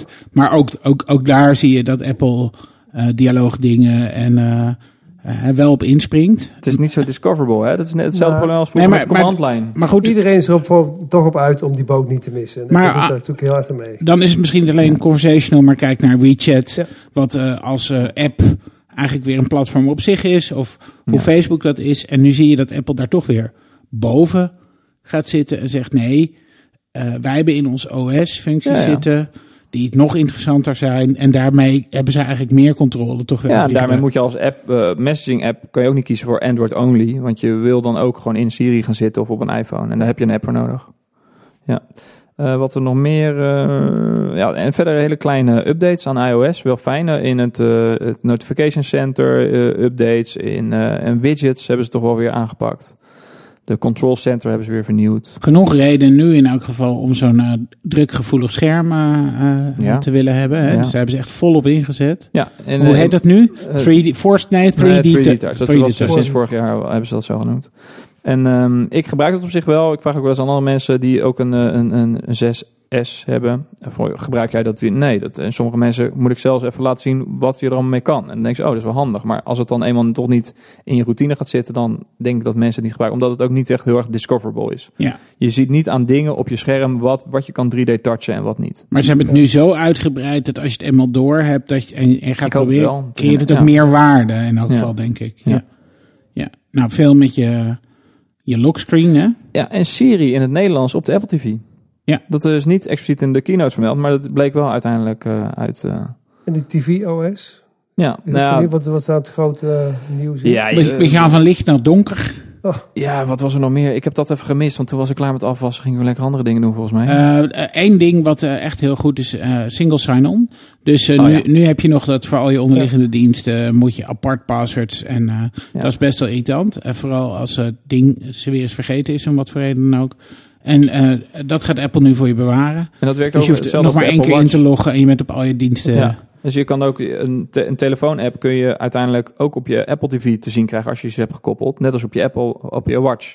Dus je hebt gewoon een app geïnstalleerd op je telefoon en daar zie je een equivalent van op je Apple Watch. Ja. En dat komt ook naar de TV. Dus als je Netflix al op je telefoon hebt, dan zal die voor mij ook Ja. op je te- televisie te zien zijn. En een van de eh, andere fijne dingen is dat vroeger had eh, Apple een remote app voor je telefoon waarmee je de Apple TV kon bedienen. Nee, dat, wa- Die is weer ook terug. Nee, maar die was al Oh. terug. Hij is nu alleen Ja? vernieuwd. Ja. Oh. Ze hadden hem inderdaad uitgezet. Ja, Een paar hem- maanden later, toen de nieuwe Apple TV ging, was hij toch weer terug. Oh. Kon je hem toch gebruiken. Ah, dat had ik ja. gemist. ja, want de, je had helemaal geen mooie toetsenbord Maar ze meer. kondigden het in elk geval nu wel groots aan, want het was ze ook opgevallen. Het is dat een er- nieuwe app geworden Ja, ook. ja, Ja, ja.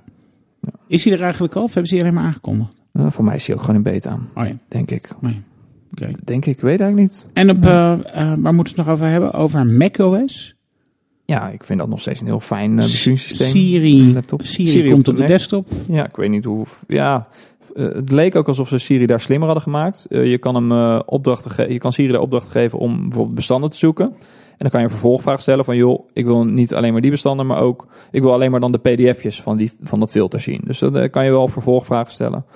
Ehm, en dat kun je dan bewaren als een smart folder en zo. Dus ze hebben wel nieuwe dingen die je niet op een iOS device kan, omdat je daar gewoon geen file system hebt zoals op een eh, Mac. Ze hebben echt wel wat dingen toegevoegd. En ook eh, ze zijn in met foto's. De foto's app zijn ze achter Google foto's eh achterna gaan. Die kunnen automatisch de, de foto's-app van Apple kan nu ook automatisch alle foto's van honden bij elkaar zoeken. En die gooien ze in een mapje. Ja, dat is toch fijn. Of, of veel, veel betere face recognition. Nu moet je dat allemaal best wel handmatig doen. En dat gaat daar straks allemaal automatisch, zoals het ook al bij Google kan. Maar het grote verschil is met Google, is dat ze daarvoor jouw Ja. foto's Ze willen graag je data hebben. En bij Apple zeggen ze, we willen wel je data hebben, maar heel erg geanonimiseerd en niet te herleiden tot jouw persoon. Precies. En de, letterlijk de uitspraak was, eh, als je... eh, eh, als we het concept eh, berg aan de computer willen leren, dan hebben we niet jouw foto's van bergen nodig. Daar komen we wel Ja. aan. Die zijn er wel. Dus dat trainen van dat algoritme, daar kunnen wij wel voor zorgen. Ja, en ze laten heel veel op het device zelf berekenen. Ja. Wat Google allemaal in de cloud doet, dat doet Apple net als met heel veel Siri-commando's doen ze dat gewoon op, op de telefoon zelf. Ze, ze hebben altijd wel een soort van pingetje naar de server om iets te berekenen, maar het, het grote gedeelte gebeurt op je, op je device zelf. Iets heel anders wisten jullie trouwens dat dat Nederlandse ontwikkelde technologie is? Wat? Siri? Nee, die beeldconceptherkenning. Eh, dus eh, dat je een computer uh, traint en dat je zegt, hier zijn 2000 foto's van een poes.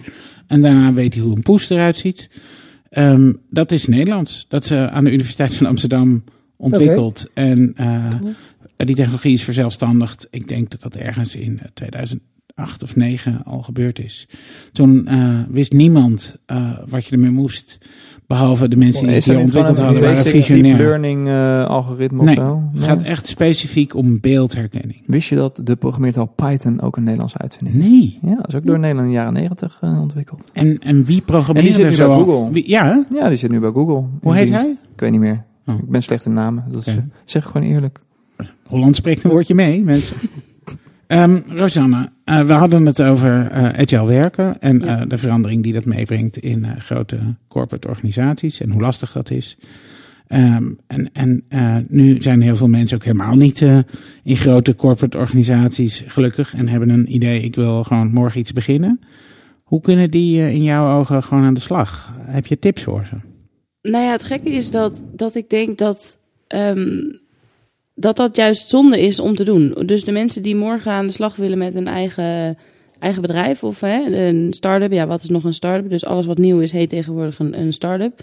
Ehm, maar het gekke is dat het dus niet zo... Het is geen rocket science of zo. Dus het is heel natuurlijk voor de mensen die iets nieuws starten... om dat op die manier te gaan doen.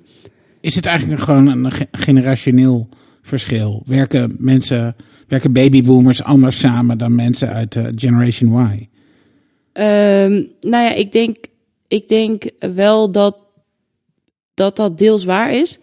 Dus ik heb ook een keer een, een, een grappig stukje geschreven, vind ik zelf, over de. de, de ja, Ja, Nou gaan we het lezen en iets vinden hoor. Als je kan lachen om je eigen stukjes. Ja. toch nou ja, over de, de, de analogie die er zit tussen mensen die bijvoorbeeld World of Warcraft spelen en eh, wat, wat agile werken aan competenties eh, van je vraagt. Hè, dus dat is ook heel erg eh, virtueel over de hele wereld met een team. Elke dag is iemand anders eh, de leider. We kijken wat we moeten doen. We hebben met z'n allen één purpose. En daar, eh, ja, daar experimenteren we ook in. Hè. Is dit dan de goede strategie of is dit het dan? En dat doen we met een team. Dus een aantal van die, van die elementen die daarin zitten. En de mensen die dat spelen. Nou, de gemiddelde leeftijd is geloof ik 4, 25. Dat is wat mensen gewend zijn. En ook hoe ze in de universiteit eh, bijvoorbeeld moeten samenwerken. En, eh, maar ook de manier hoe ze daarin worden opgeleid. En eh, de, de Ja, want het is niet alleen maar de grote corporates ten opzichte van de startups. Want Google is tegenwoordig ook gewoon een grote corporate. En die werken voor mij behoorlijk agile. Ja, dus Is dat? Ja, ja, volgens mij wel. In ieder geval alle principes. Hè, dus zo Google Friday idee ja. van... en Gmail wordt gewoon geüpdate. Er is geen lanceermoment elk Nee. jaar of zo. Nou, ik kreeg het idee, wat ik meekreeg, dat het bij Google juist steeds meer geïnstitu- insti- institutionaliseerd wordt. Ook die, die, die vrijdagen, dat is meer een moetje en dat wordt Ja. minder spontaan beleefd dan daarvoor. Nou, maar hun software eh, zitten, zijn ze echt wel eh, incrementeel aan het updaten. Gewoon, ja. Nou ja, ik denk ook, ik denk wel dat dat iets is wat dan onvermijdelijk is. Hè? Dus ja, als het kleiner is, dan is het ook makkelijker. Ja. En als het groter wordt, dan heb je op een gegeven moment wel iets van structuur of proces of afspraken eh, nodig. Ehm, en ik denk dat dan continu de uitdaging is: hoe kunnen we er wel voor zorgen dat we wel dat innovatieve en dat snelle karakter eh, blijven behouden. En het dus niet helemaal, helemaal eh, doodslaan. Dus ehm, ja, ik denk dat, je, dat het een luxe is als je vanaf het begin, zoals Google en Spotify en alle nou ja, de tech eh, startups die er zijn, dat het een luxe is als je vanaf het begin af aan het anders hebt moeten doen. Heb, de mogelijkheid hebt gehad om het anders te kunnen doen. Ik heb ook wel een tijdje gedacht, ja, al die gevestigde organisaties zoals banken en eh, verzekeraars en eh, die al eh, meer dan eh, 50 jaar bestaan. Misschien is het wel niet mogelijk om die transformatie door te maken. Dat heb ik me oprecht wel een, een tijdje afgevraagd. het duurt gewoon en, heel lang. en wat, waar kwam je op uit? Wat, is het mogelijk, denk je? Ja, ik denk wel dat het mogelijk is. Maar ehm, het, ik hoorde net al iemand even zeggen, het duurt gewoon heel erg lang. Ehm, dus je moet nog genoeg ruimte in je oorlogskas hebben om het te kunnen. Om het te kunnen veel doen. afbreken en Ja. weer opnieuw opbouwen. En Ja. dan heb je afvragen, wat blijft er nog oorspronkelijk van je bedrijf over als je Ja. Wie, wie, wie doet het goed? eh, Philips doet het goed. Eh, er zijn Die ook, hebben wel veel afgebroken van wat Ja, ze hadden. van wat Dat- ze hadden. Ja. Ja, en ook die splitsing hè, eh, gemaakt. Eh, maar dat is wel een traject waar we al vijf jaar. eh, Langer eh, ja. ja. in ieder geval waar wij vijf jaar eh, bij betrokken Oh, ja, zijn. ja. En je ziet nu dat, dat dan eh, Frans van Houten zegt... en dit is, dit is the way to go en zo wil ik het. En ik ben ook bereid om dan dus dingen aan te passen... en de manier waarop we contracteren... om dat op een andere manier te gaan doen. Ehm, maar het kost tijd. Het is een beetje de Johan Cruijff. Je ziet het pas als je het snapt. Je moet het echt ook helemaal doorleven. Dus de principes denk ik dat heel veel mensen... of dat heel veel organisaties zeggen... ja, daar sta ik zeker achter. Ehm, maar om het dan vervolgens te begrijpen... en dan dus ook nou ja, de ballen te hebben om dat dan dus aan te passen en dus Ja. een hoop af te breken, ja, dat, dat vraagt nogal wat. En dat is, dat, dat is ook eng. Maar Philips doet het eh, goed, denk ik. Eh Nationale Nederlanden doet het ook eh, goed. Nou ja, ING, daar, daar, dat is een beetje het, eh, het schoolvoorbeeld wat iedereen dan gebruikt. En zegt, nou, die heeft een model geadopteerd zoals Spotify. Ehm, maar dat, dat, dat, dat weet ik zelf niet van, van En, binnenuit. en als je dan zegt, die doet het goed, bedoel je dan dat ze de methodiek goed omarmen? Of eh, eh, heb je nou echt de indruk dat hun producten en diensten veel meer waarde creëren voor de klant? Ja, het eindresultaat. Hoe Ja, wat meet je dan in je hoofd als je dat zegt? als ik dat zeg. Ja. Ehm, nou, ik, waar ik voornamelijk naar kijk is inderdaad de, eh, de snelheid waarmee zij waarde en nieuwe, nieuwe dingen brengen naar, eh, naar de, de, de klant. Ja, dus ik vind nog steeds eh, de ING-app de beste die er is. Bunk is Ehm, beter. Oké, Ja, maar die is ook vrij nieuw. die, is, die is nog En nieuw. een start-up ja. ja, met ja. focus. Precies. Ja. Maar dus dan, dan heb ik het even over de grote... Nou, ik zeg wel een leuke case bij de Bunk-app. Ja. Nou, dat hebben ze van vorige week gelanceerd. Eh, Het, zit misschien wel een marketingsausje over, maar goed. Eh, het, het geeft wel aan hoe snel ze kunnen schakelen. Eh, er kwam een ijskar voor ze rijden. Eh Ja. het personeel kon daar allemaal ijs kopen. Eh, alleen toen was er een spinstoring of zoiets. Konden ze niet meer betalen. Nou, toen hadden ze bedacht, oké... eh, dat deden ze niet letterlijk toen in dat uur, maar voor mij wel. Eh, de rest van de dag hebben ze eraan gewerkt. We gaan een QR-code voor eh, die verkoper eigenlijk ontw- ontwikkelen. Die kan die op zijn kar plakken. En dan als je daar eh, dus ijs kon kopen met je Bunk-app, dus je moet wel een bunkering hebben, dan scan je gewoon die QR-code. En dan betaal je je ijsje. Dus Ja. dat kan zonder pinautomaat. Hebben ze in hun app gewoon een functie gelanceerd. Waarmee, je, eh, waarmee iedereen dus een soort van winkeltje kan Ja. beginnen. Voor Bunk-klanten dan. Maar door, door alleen maar een QR-code. Ja, moet de plakken. ijskomman ook bunk klant Ja, zijn? ja, Hè, zeker. dus het is, een, het is een privilege voor mensen Ja. op dat platform. Ja, maar zo laagdrempelig kan je dan eh, schakelen Maken. als je helemaal agile en klein bent. Ja, En dan, je, kan die, je- je die verandering meteen doorvoeren. En dan kan je Ja. over alle makkers van de huidige PIN-infrastructuur en wat niet Ja. al stappen en kan je het gewoon slimmer doen. Ja, en ze hebben dus eigenlijk al contactloos betalen zo zonder pasje ingevoerd in hun Bunk-app. Dus zoiets als wat Apple Pay heeft, misschien twee extra stappen erbij. Ja. Maar hebben ze eigenlijk nu gewoon geïntroduceerd in hun app. Ja, Ja, maar dan dan krijg zich ook je... wat fouten veroorloven, omdat ze een kleiner publiek hebben, denk ik. Ehm, Het lastige ja, van die grote banken is alles wat, je, wat, wat misgaat, wordt enorm uitvergroot en, achtervolgd. Dus ik denk dat het ook wel lastiger is dan. Is dat Ja, niet, een, dat is, ze durven ook, wel. ik denk- is ja, dat maar- niet een, is dat niet een kwestie van daar gewoon een heel goed verhaal omheen vertellen? Hè, Dat als de concurrenten ook allemaal logge dingen doen die mislukken, dat je gewoon op een gegeven moment zegt: Oké, we gaan het Nee. gewoon anders doen. En daar zijn we heel open en transparant over. En dat klanten dat wel snappen. Je moet die fout mee ontwerpen, volgens mij. Dat er dingen misgaat en wat je dan doet. Dat Ja. moet je eigenlijk al heel van tevoren hebben bedacht. Dat scenario moet gewoon klaar liggen. Ja, en dan zo. is het minder eng. Ja. Ja. Maar de, eh, want, eh, want dat zal wel ook een groot deel van de weerstand zijn die je tegenkomt, of niet? Dat mensen denken, ja, daar kunnen we niet meer naar buiten. Of eh, het doet afbreuk aan ons ja, merk. dat, of er zit levert risico. Ja. schade. Hè? Ja. Dus dat hele eh, minimum viable product denken. Van we, we, we, ja, we willen dat proberen en dat mag dus ook fout gaan. Dus dat hele idee, dat, dat vinden die grote organisaties vinden het eng. Die denken, ja, dan, dan heb ik of imago-schade of dan gaan mijn klanten weg. En eh, nou, ik denk dat dat in sommige gevallen ook zo is. Hè? Dus je moet ook niet zomaar Maar Hoe gaat zo Philips daarmee om? Of eh, andere klanten van jou? Ehm, nou ja, als we bijvoorbeeld even kijken naar Schiphol. eh, daar hebben ze in sommige onderdelen van de organisatie hebben ze dan nu dit eh, op, op deze manier ge- geadopteerd, noem ik het even. Oh joh. Nee, ja, we zijn allemaal bekend hiermee. met, Oké. eh, dat, eh, Daar kennen wij elkaar toch van, jongens? Daar kennen we elkaar van. Nee, dat is ook zo. Dat is Ja. Wij kennen hier Ja. alle vier elkaar Oh, van Nee, we Ja. hebben daar samen Nou ja, ik vind het echt wel voor, voor een organisatie die heel erg op, op controle en een strakke operatie zit. Ehm, hè, dat maakt dus dat er mensen ook werken die, daar, die zich daarop richten of zich zo gedragen. En dan is er een, nou, dat is dan wel een beta-versie van een klein stuk van de site. Maar dat is wel gelanceerd met nog open eindjes waarvan we zeiden: oké, we weten het dus niet precies. En we willen nog dingen aanpassen, maar we gaan nu die gebruiker eens gebruiken en kijken we hoe die reageert daarop en de terminal in om dat te zien. Want een landingsbaan aanleggen in een iteratief proces is misschien niet de beste. Ja, die, ehm, die is altijd leuk. Ik begin tegenwoordig mijn, eh, mijn praatje, maar ja, ik wil het vandaag eigenlijk niet hebben waarom je een landingsbaan niet agile kunt doen. Of waarom je een bird control proces niet, eh, niet op een agile manier kunt doen. Ehm, dus ja, steeds eh, de twee centimeter asfalt neerleggen en daar dan overheen itereren, dat snap ik dat dat niet werkt.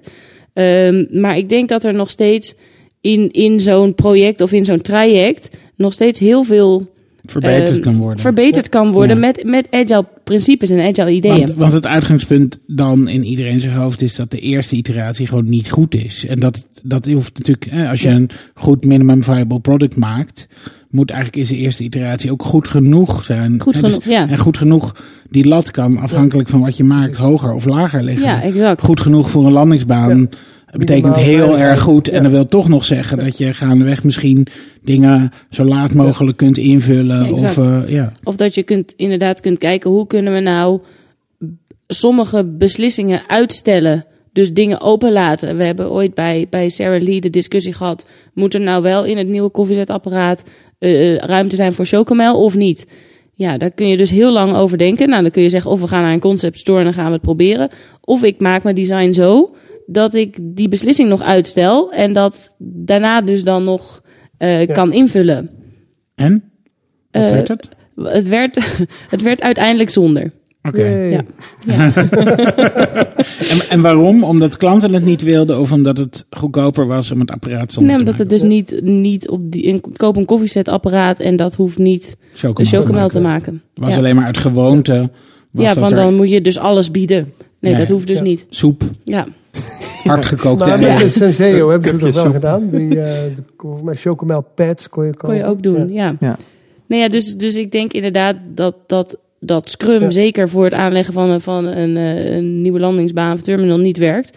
Eh, maar dat, dat is ook helemaal niet waar het om gaat. Dus die hele principes van multidisciplinaire teams die zelfsturend zijn en snelle beslissingen kunnen Dat maken. kun je altijd doen. Dat kun je altijd doen. En transparanter zijn. En eh, dat zijn eigenlijk een beetje de flauwe woorden. Beter communiceren, transparant en samenwerken. Dat wil iedereen. Maar er zitten gewoon ideeën in die overal, ehm, die overal toepasbaar zijn. En is het goedkoper? Ja, dat is altijd een goede vraag. Ik denk ehm, in die end zeker.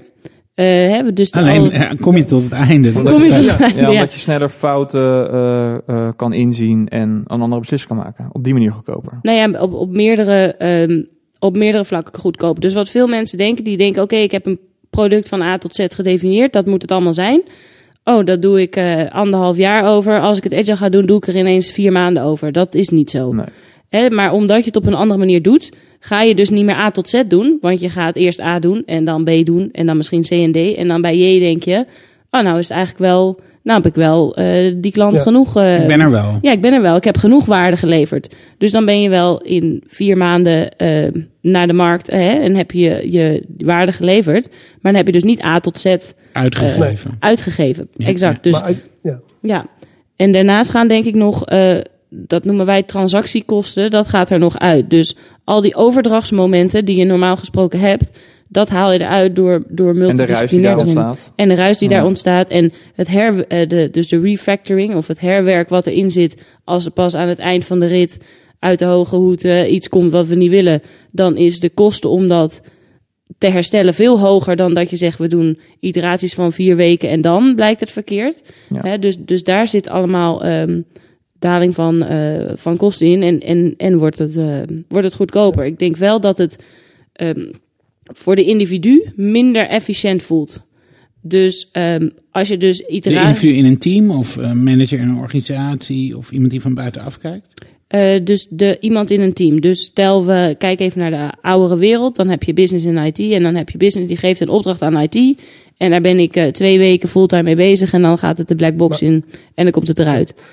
En nu, nu ik continu, nu moet ik continu betrokken, betrokken zijn. Kan ik dus ook maar één project tegelijk doen. Heb ik focus. Ehm, maar dat voelt voor mij minder, minder efficiënt.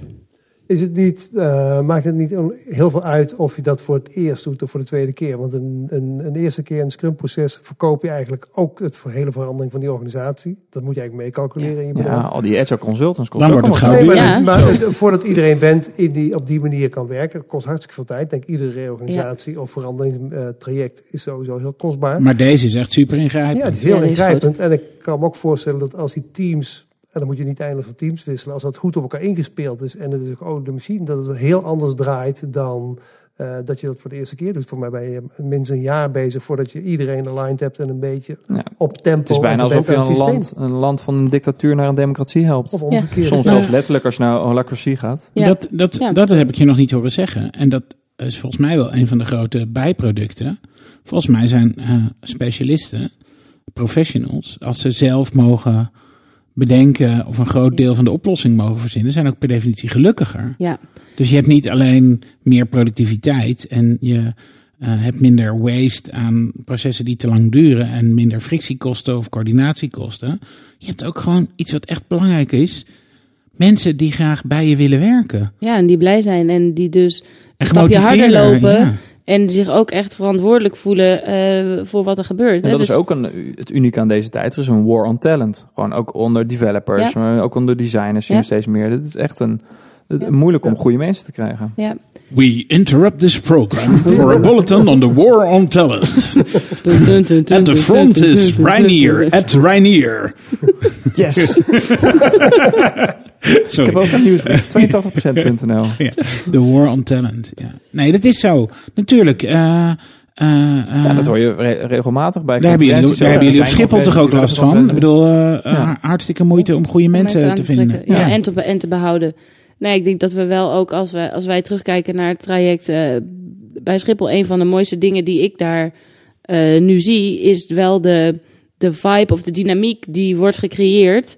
ehm, daar waar ze op deze manier werken. En de mensen die dus echt de terminal in willen om te gaan zien hoe hun product wordt gebruikt en hoe dat dan werkt. En ehm, ja, als je daar, als je daar in, in die omgeving komt, dan voel je dat er iets, iets anders gaande is.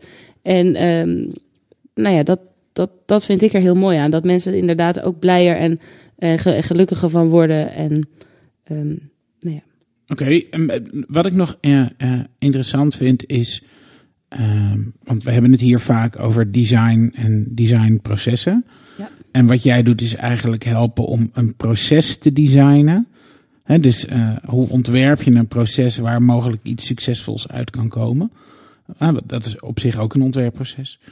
Ehm, maar hoe zit in een agile proces, hoe zit design erin? Want dat ehm, gaat natuurlijk heel vaak over het visualiseren van hoe iets eruit kan zien, of wat dilemma's zijn, of wat.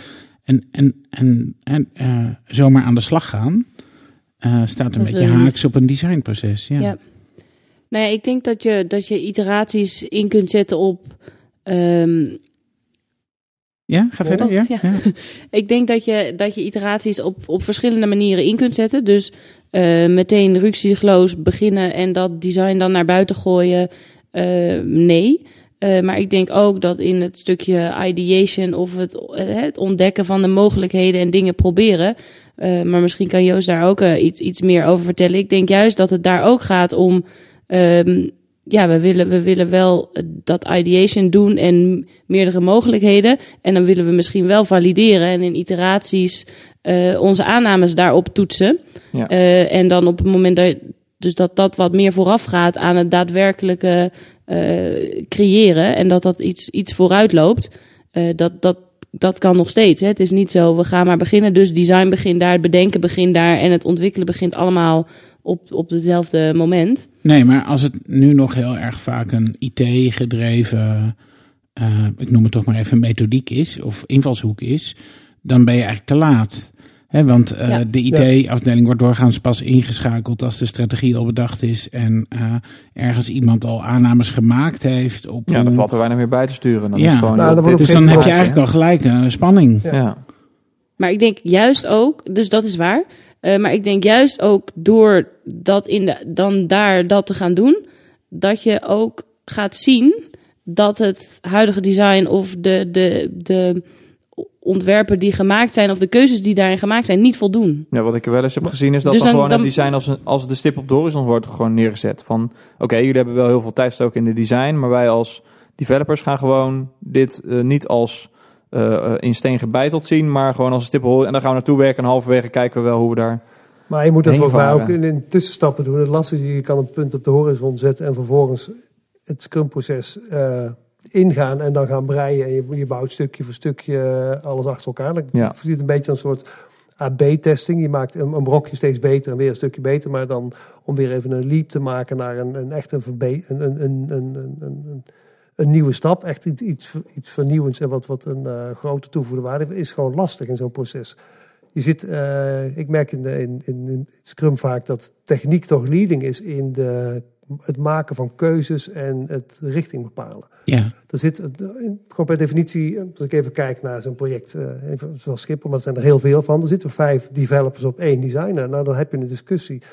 Het voor een designer heel lastig is om daar, eh, zeg maar, je, je, je Gewoon harder je praten. Als mannetje je harder staan. praat, heb je altijd gelijk. En je, hebt natuurlijk, en je hebt natuurlijk in een heel groot project heb je meerdere teams. Je moet eh, binnen je, je team je eigen sprint zeg maar, overleven en dat goed eh, afstemmen. Maar je bent uiteindelijk samen met alle andere designers en andere teams bezig met een groter geheel.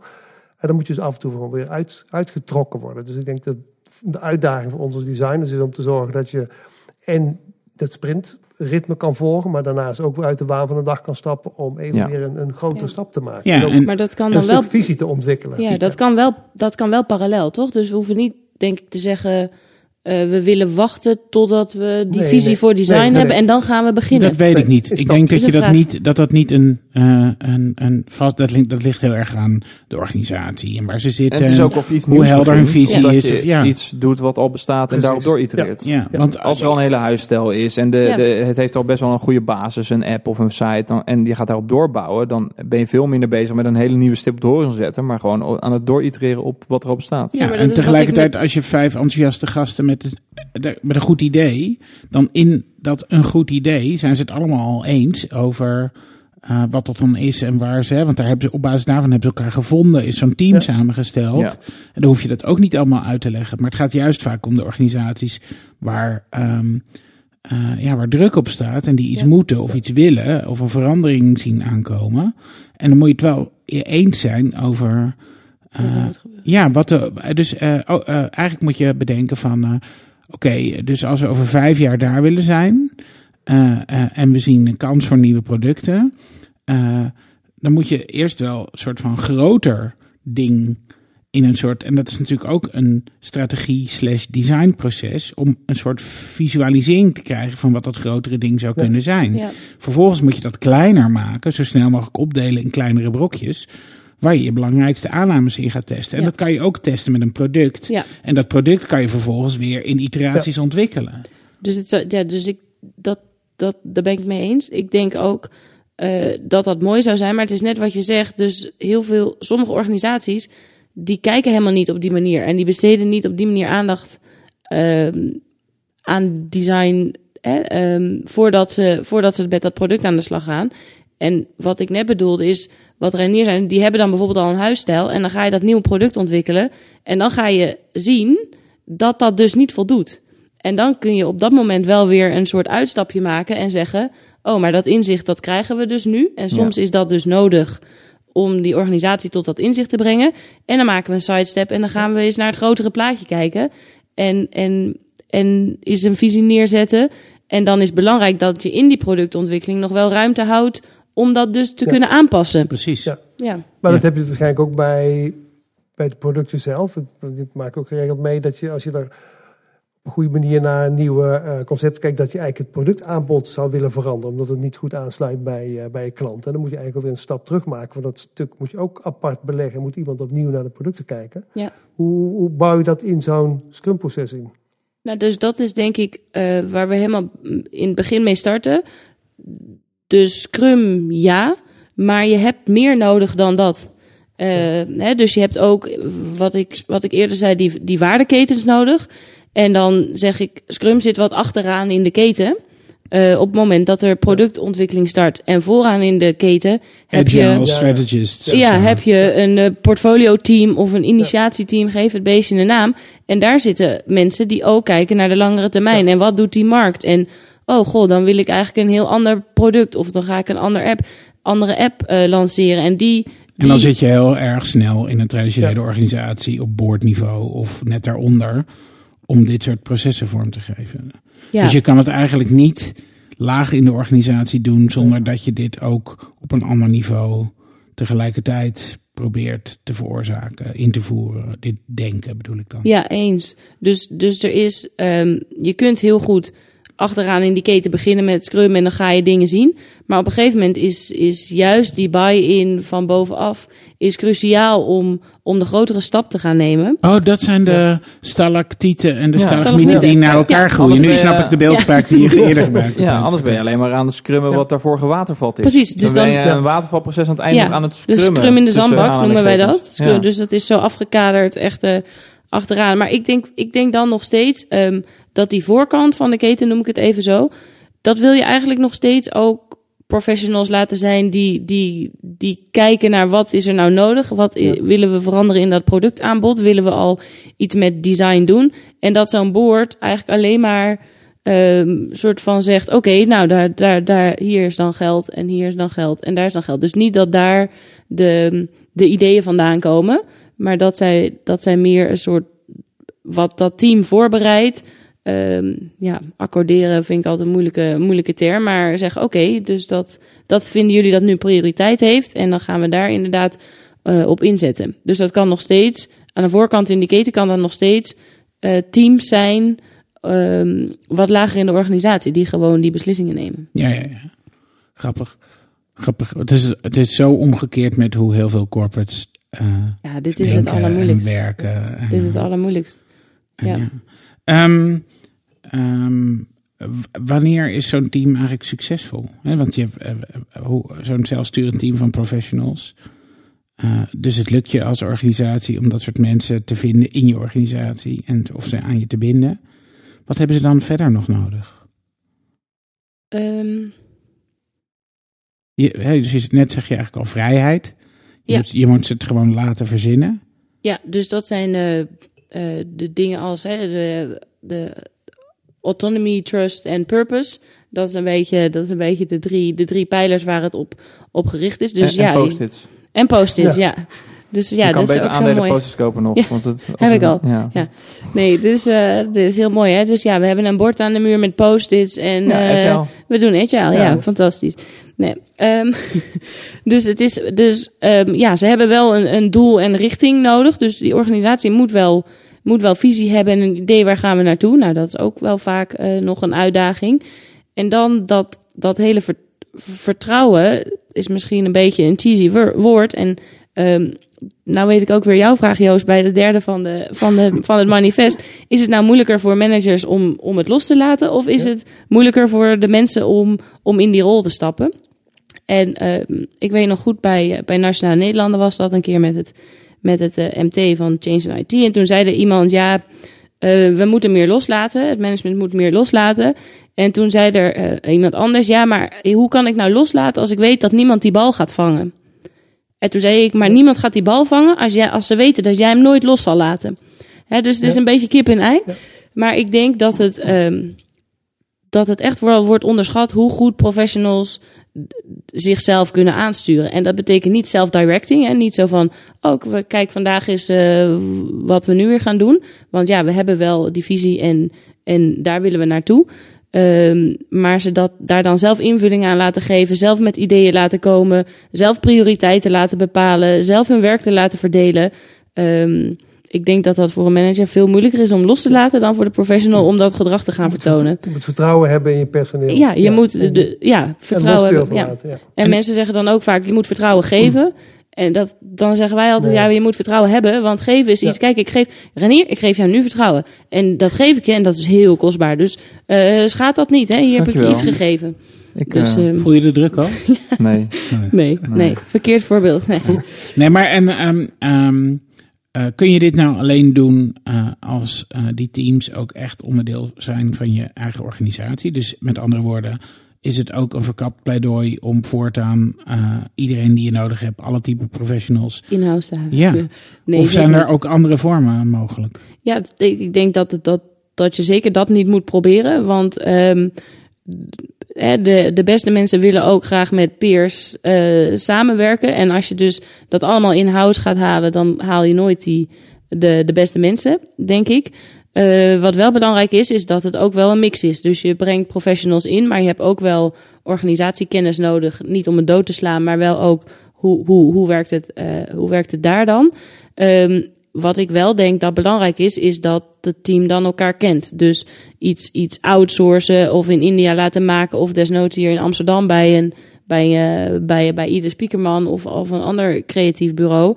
Ehm, ik denk wel dat je dat, dat team gebeuren Bij elkaar moet brengen. bij elkaar moet brengen. En die mensen moeten met elkaar om de tafel. En hè, dat hele interactie boven, boven tools. En ja, eh, dat gaat niet altijd met de mensen die misschien in, eh, in eh, Amerika of in India zitten. Maar dan nog kan je wel beginnen met elkaar. En eens in de zoveel tijd een iteratie met elkaar doen. Dat, dat was vast al wennen dan voor jullie designers, Joost. Ja, dat is Dat- heel erg wennen. Want je Ja. merkt dat designers die...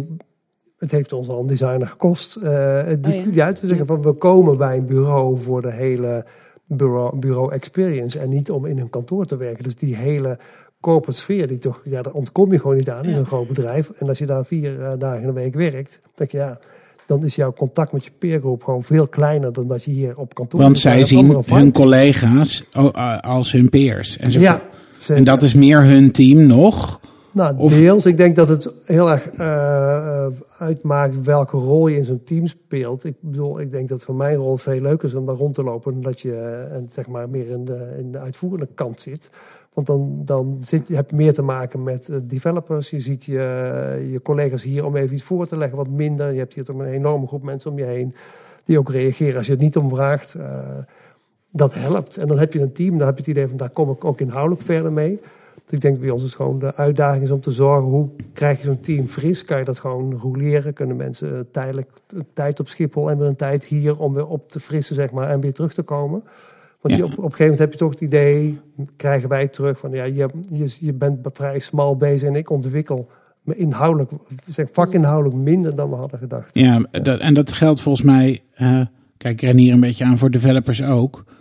Eh, Kijk je mij aan alsof Ja. ik een developer ben? Nee, maar je, nou? je, kan- je- je werkt wel veel met ze. eh, eh, Ah, ik kan ook wel een beetje coderen. weet ik. Ehm, eh, het is een beetje hetzelfde als, eh, als met designers. Eh, je wordt goed doordat je vaak veel verschillende puzzels oppakt.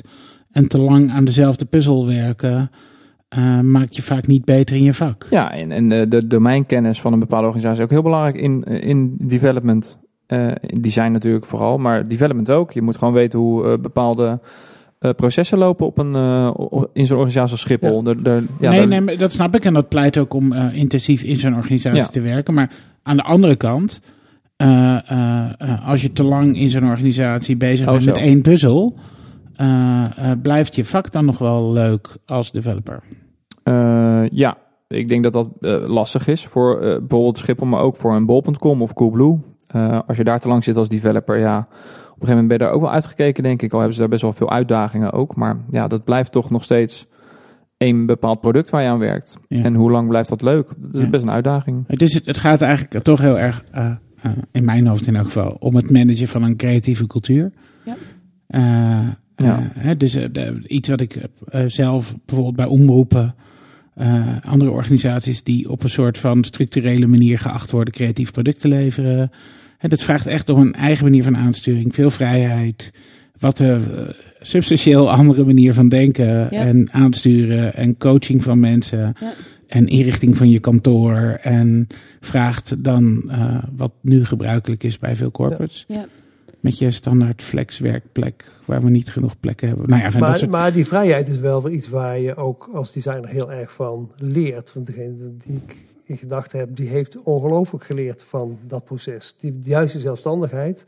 Op allerlei vlakken groei je enorm. Eh, als je die zelfstandigheid hebt en je, je merkt dat je verantwoordelijkheid wordt. eh, eh, In een wordt ge- scrum team bedoel je? ja, wordt, wordt, Nou ja, wordt gewaardeerd. Ja. Maar dat- stuk daar groei je in, maar vakinhoudelijk gaat het wat langzaam. Omdat je aantal eh zeg, vakinhoudelijke je peergroep wordt smaller. Dus, Dus je zit, je zit dieper in die case van de klant en daardoor kun je misschien beter werk Ja. leveren. Maar Dus dat professioneler vaak in, en Dus je moet het eh, afwisselen. Ja, je moet het afwisselen. Want ik denk dat stuk dat ik enorm in groei. Maar vakinhoudelijk blijf je wat nauw. Dus ik denk dat je daar ook weer Maar terug dat- moet. dat of zie je een groter designteam bij je klant neerzetten. Dat, dat, de, Ja. dat de, de, de, de vakgebieden bij elkaar klitten af en toe voor eh, sessies in zo'n bedrijf. Ja. Eh, maar dat is als je intern bent. Dus dat de, de front-end developers een sessie hebben wekelijks met elkaar om, eh, ze- Ja, om, ze, om, ze, eh, om, hun, ja, om ze bij te houden over wat er gebeurt in, de in de front-end development wereld. Of om peer reviews te doen, dat soort dingen.